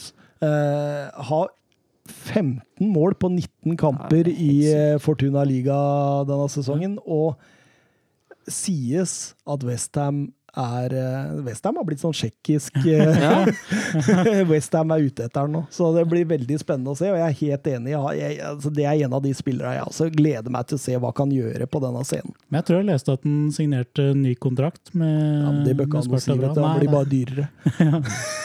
Ja, men han har jo, jeg hadde jo han, han på Ukas Talent for et år siden cirka. Og da var han veldig veldig opptatt av at karrieren går, skal gå fram i riktig tid.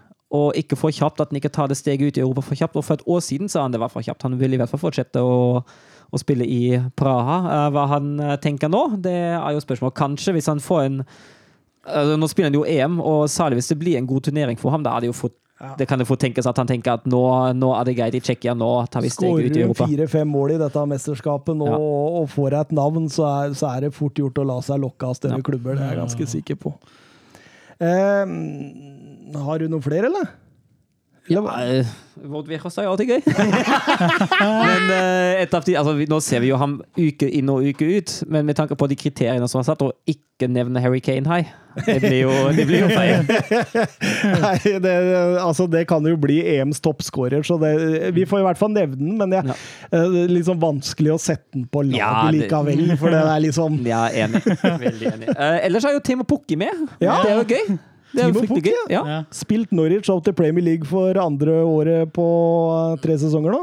Ja, Pukki og Pandev som sånne kjærlighetsspisser som er gøy å følge der, ja, men eh, Så har jeg eh, gleder meg så veldig til å se Malen i Nederland.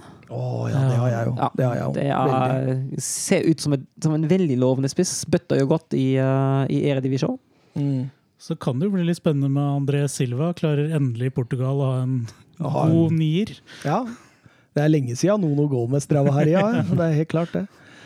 Uh, jeg tenker også på Marko Arnatovic. Det er alltid, alltid underholdning. Ja, det er det definitivt. Han får vi jo se i Østerrike. Og så er det jo Jordan Larsson, da. Altså Henrik Larsson sin sønn, som spiller i Spartak Moskva. 23 år gammel, eh, 15 mål på 29 kamper for Spartak og tatt ut i den svenske landslagstroppen. Det kan det jo bli artig å se. Han ligner litt på faren sin nå i utseendet, så det er litt sånn retroblikk der. Men uh, Horslek skal selvfølgelig med. Det det jeg er åpen for åpen for alt, jeg, men uh, jeg, jeg, Daniel Malen, kanskje? Ja, det kan bli spennende. Ja. Ja. Han føler det er eh, på, skal vise seg fram for å komme seg bort fra, fra Nederlands. Ja. Et enormt talent også, det er veldig morsomt. Så da, Geir Halvor Kleiva, da fikk du ikke så spennende Donna Roma i mål. Du fikk Seke Selik på høyrebekk og Nuno Mendes på venstrebekk. Du fikk Guardiol og Joakim Andersen som stoppere. Du fikk Adam Tra Adama Traoré på høyre kant, eh, Lorenzo Insigne på venstre kant, med Pedro Gonsalves og Manuel Locatelli som eh, sentral midt, og Daniel Malen og Adam Hoslek på topp. Gøy lag, Det er altså. artig lag. Og det, det, det når, når vi fikk de kriteriene at de ikke kunne spille Champions League, så er dette noe av det bedre vi kan dra opp av spennende typer som det kan være å, å følge. Og jeg regner med at det er det han Kanskje han ville ha noe- noen tips til sånn der Det er sånn EM-manager, vet du. Kanskje det er det han eh, Ah, skulle se, vet du, om det var noen sånne tips til billige spillere.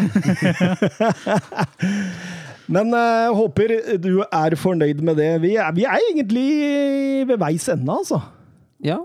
Uh, hvor mye er klokka blitt? Eh, Oi, kvart over ti. oi! Så tidlig! Der ser du hva som skjer når vi ikke har med Mats Granvold. Ja, nei, da forsvinner mye, mye tid.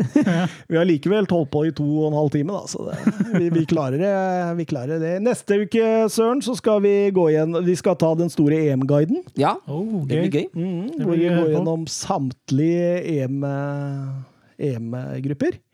Har dere noen favoritt, eller er det for tidlig å det spare for det neste uke?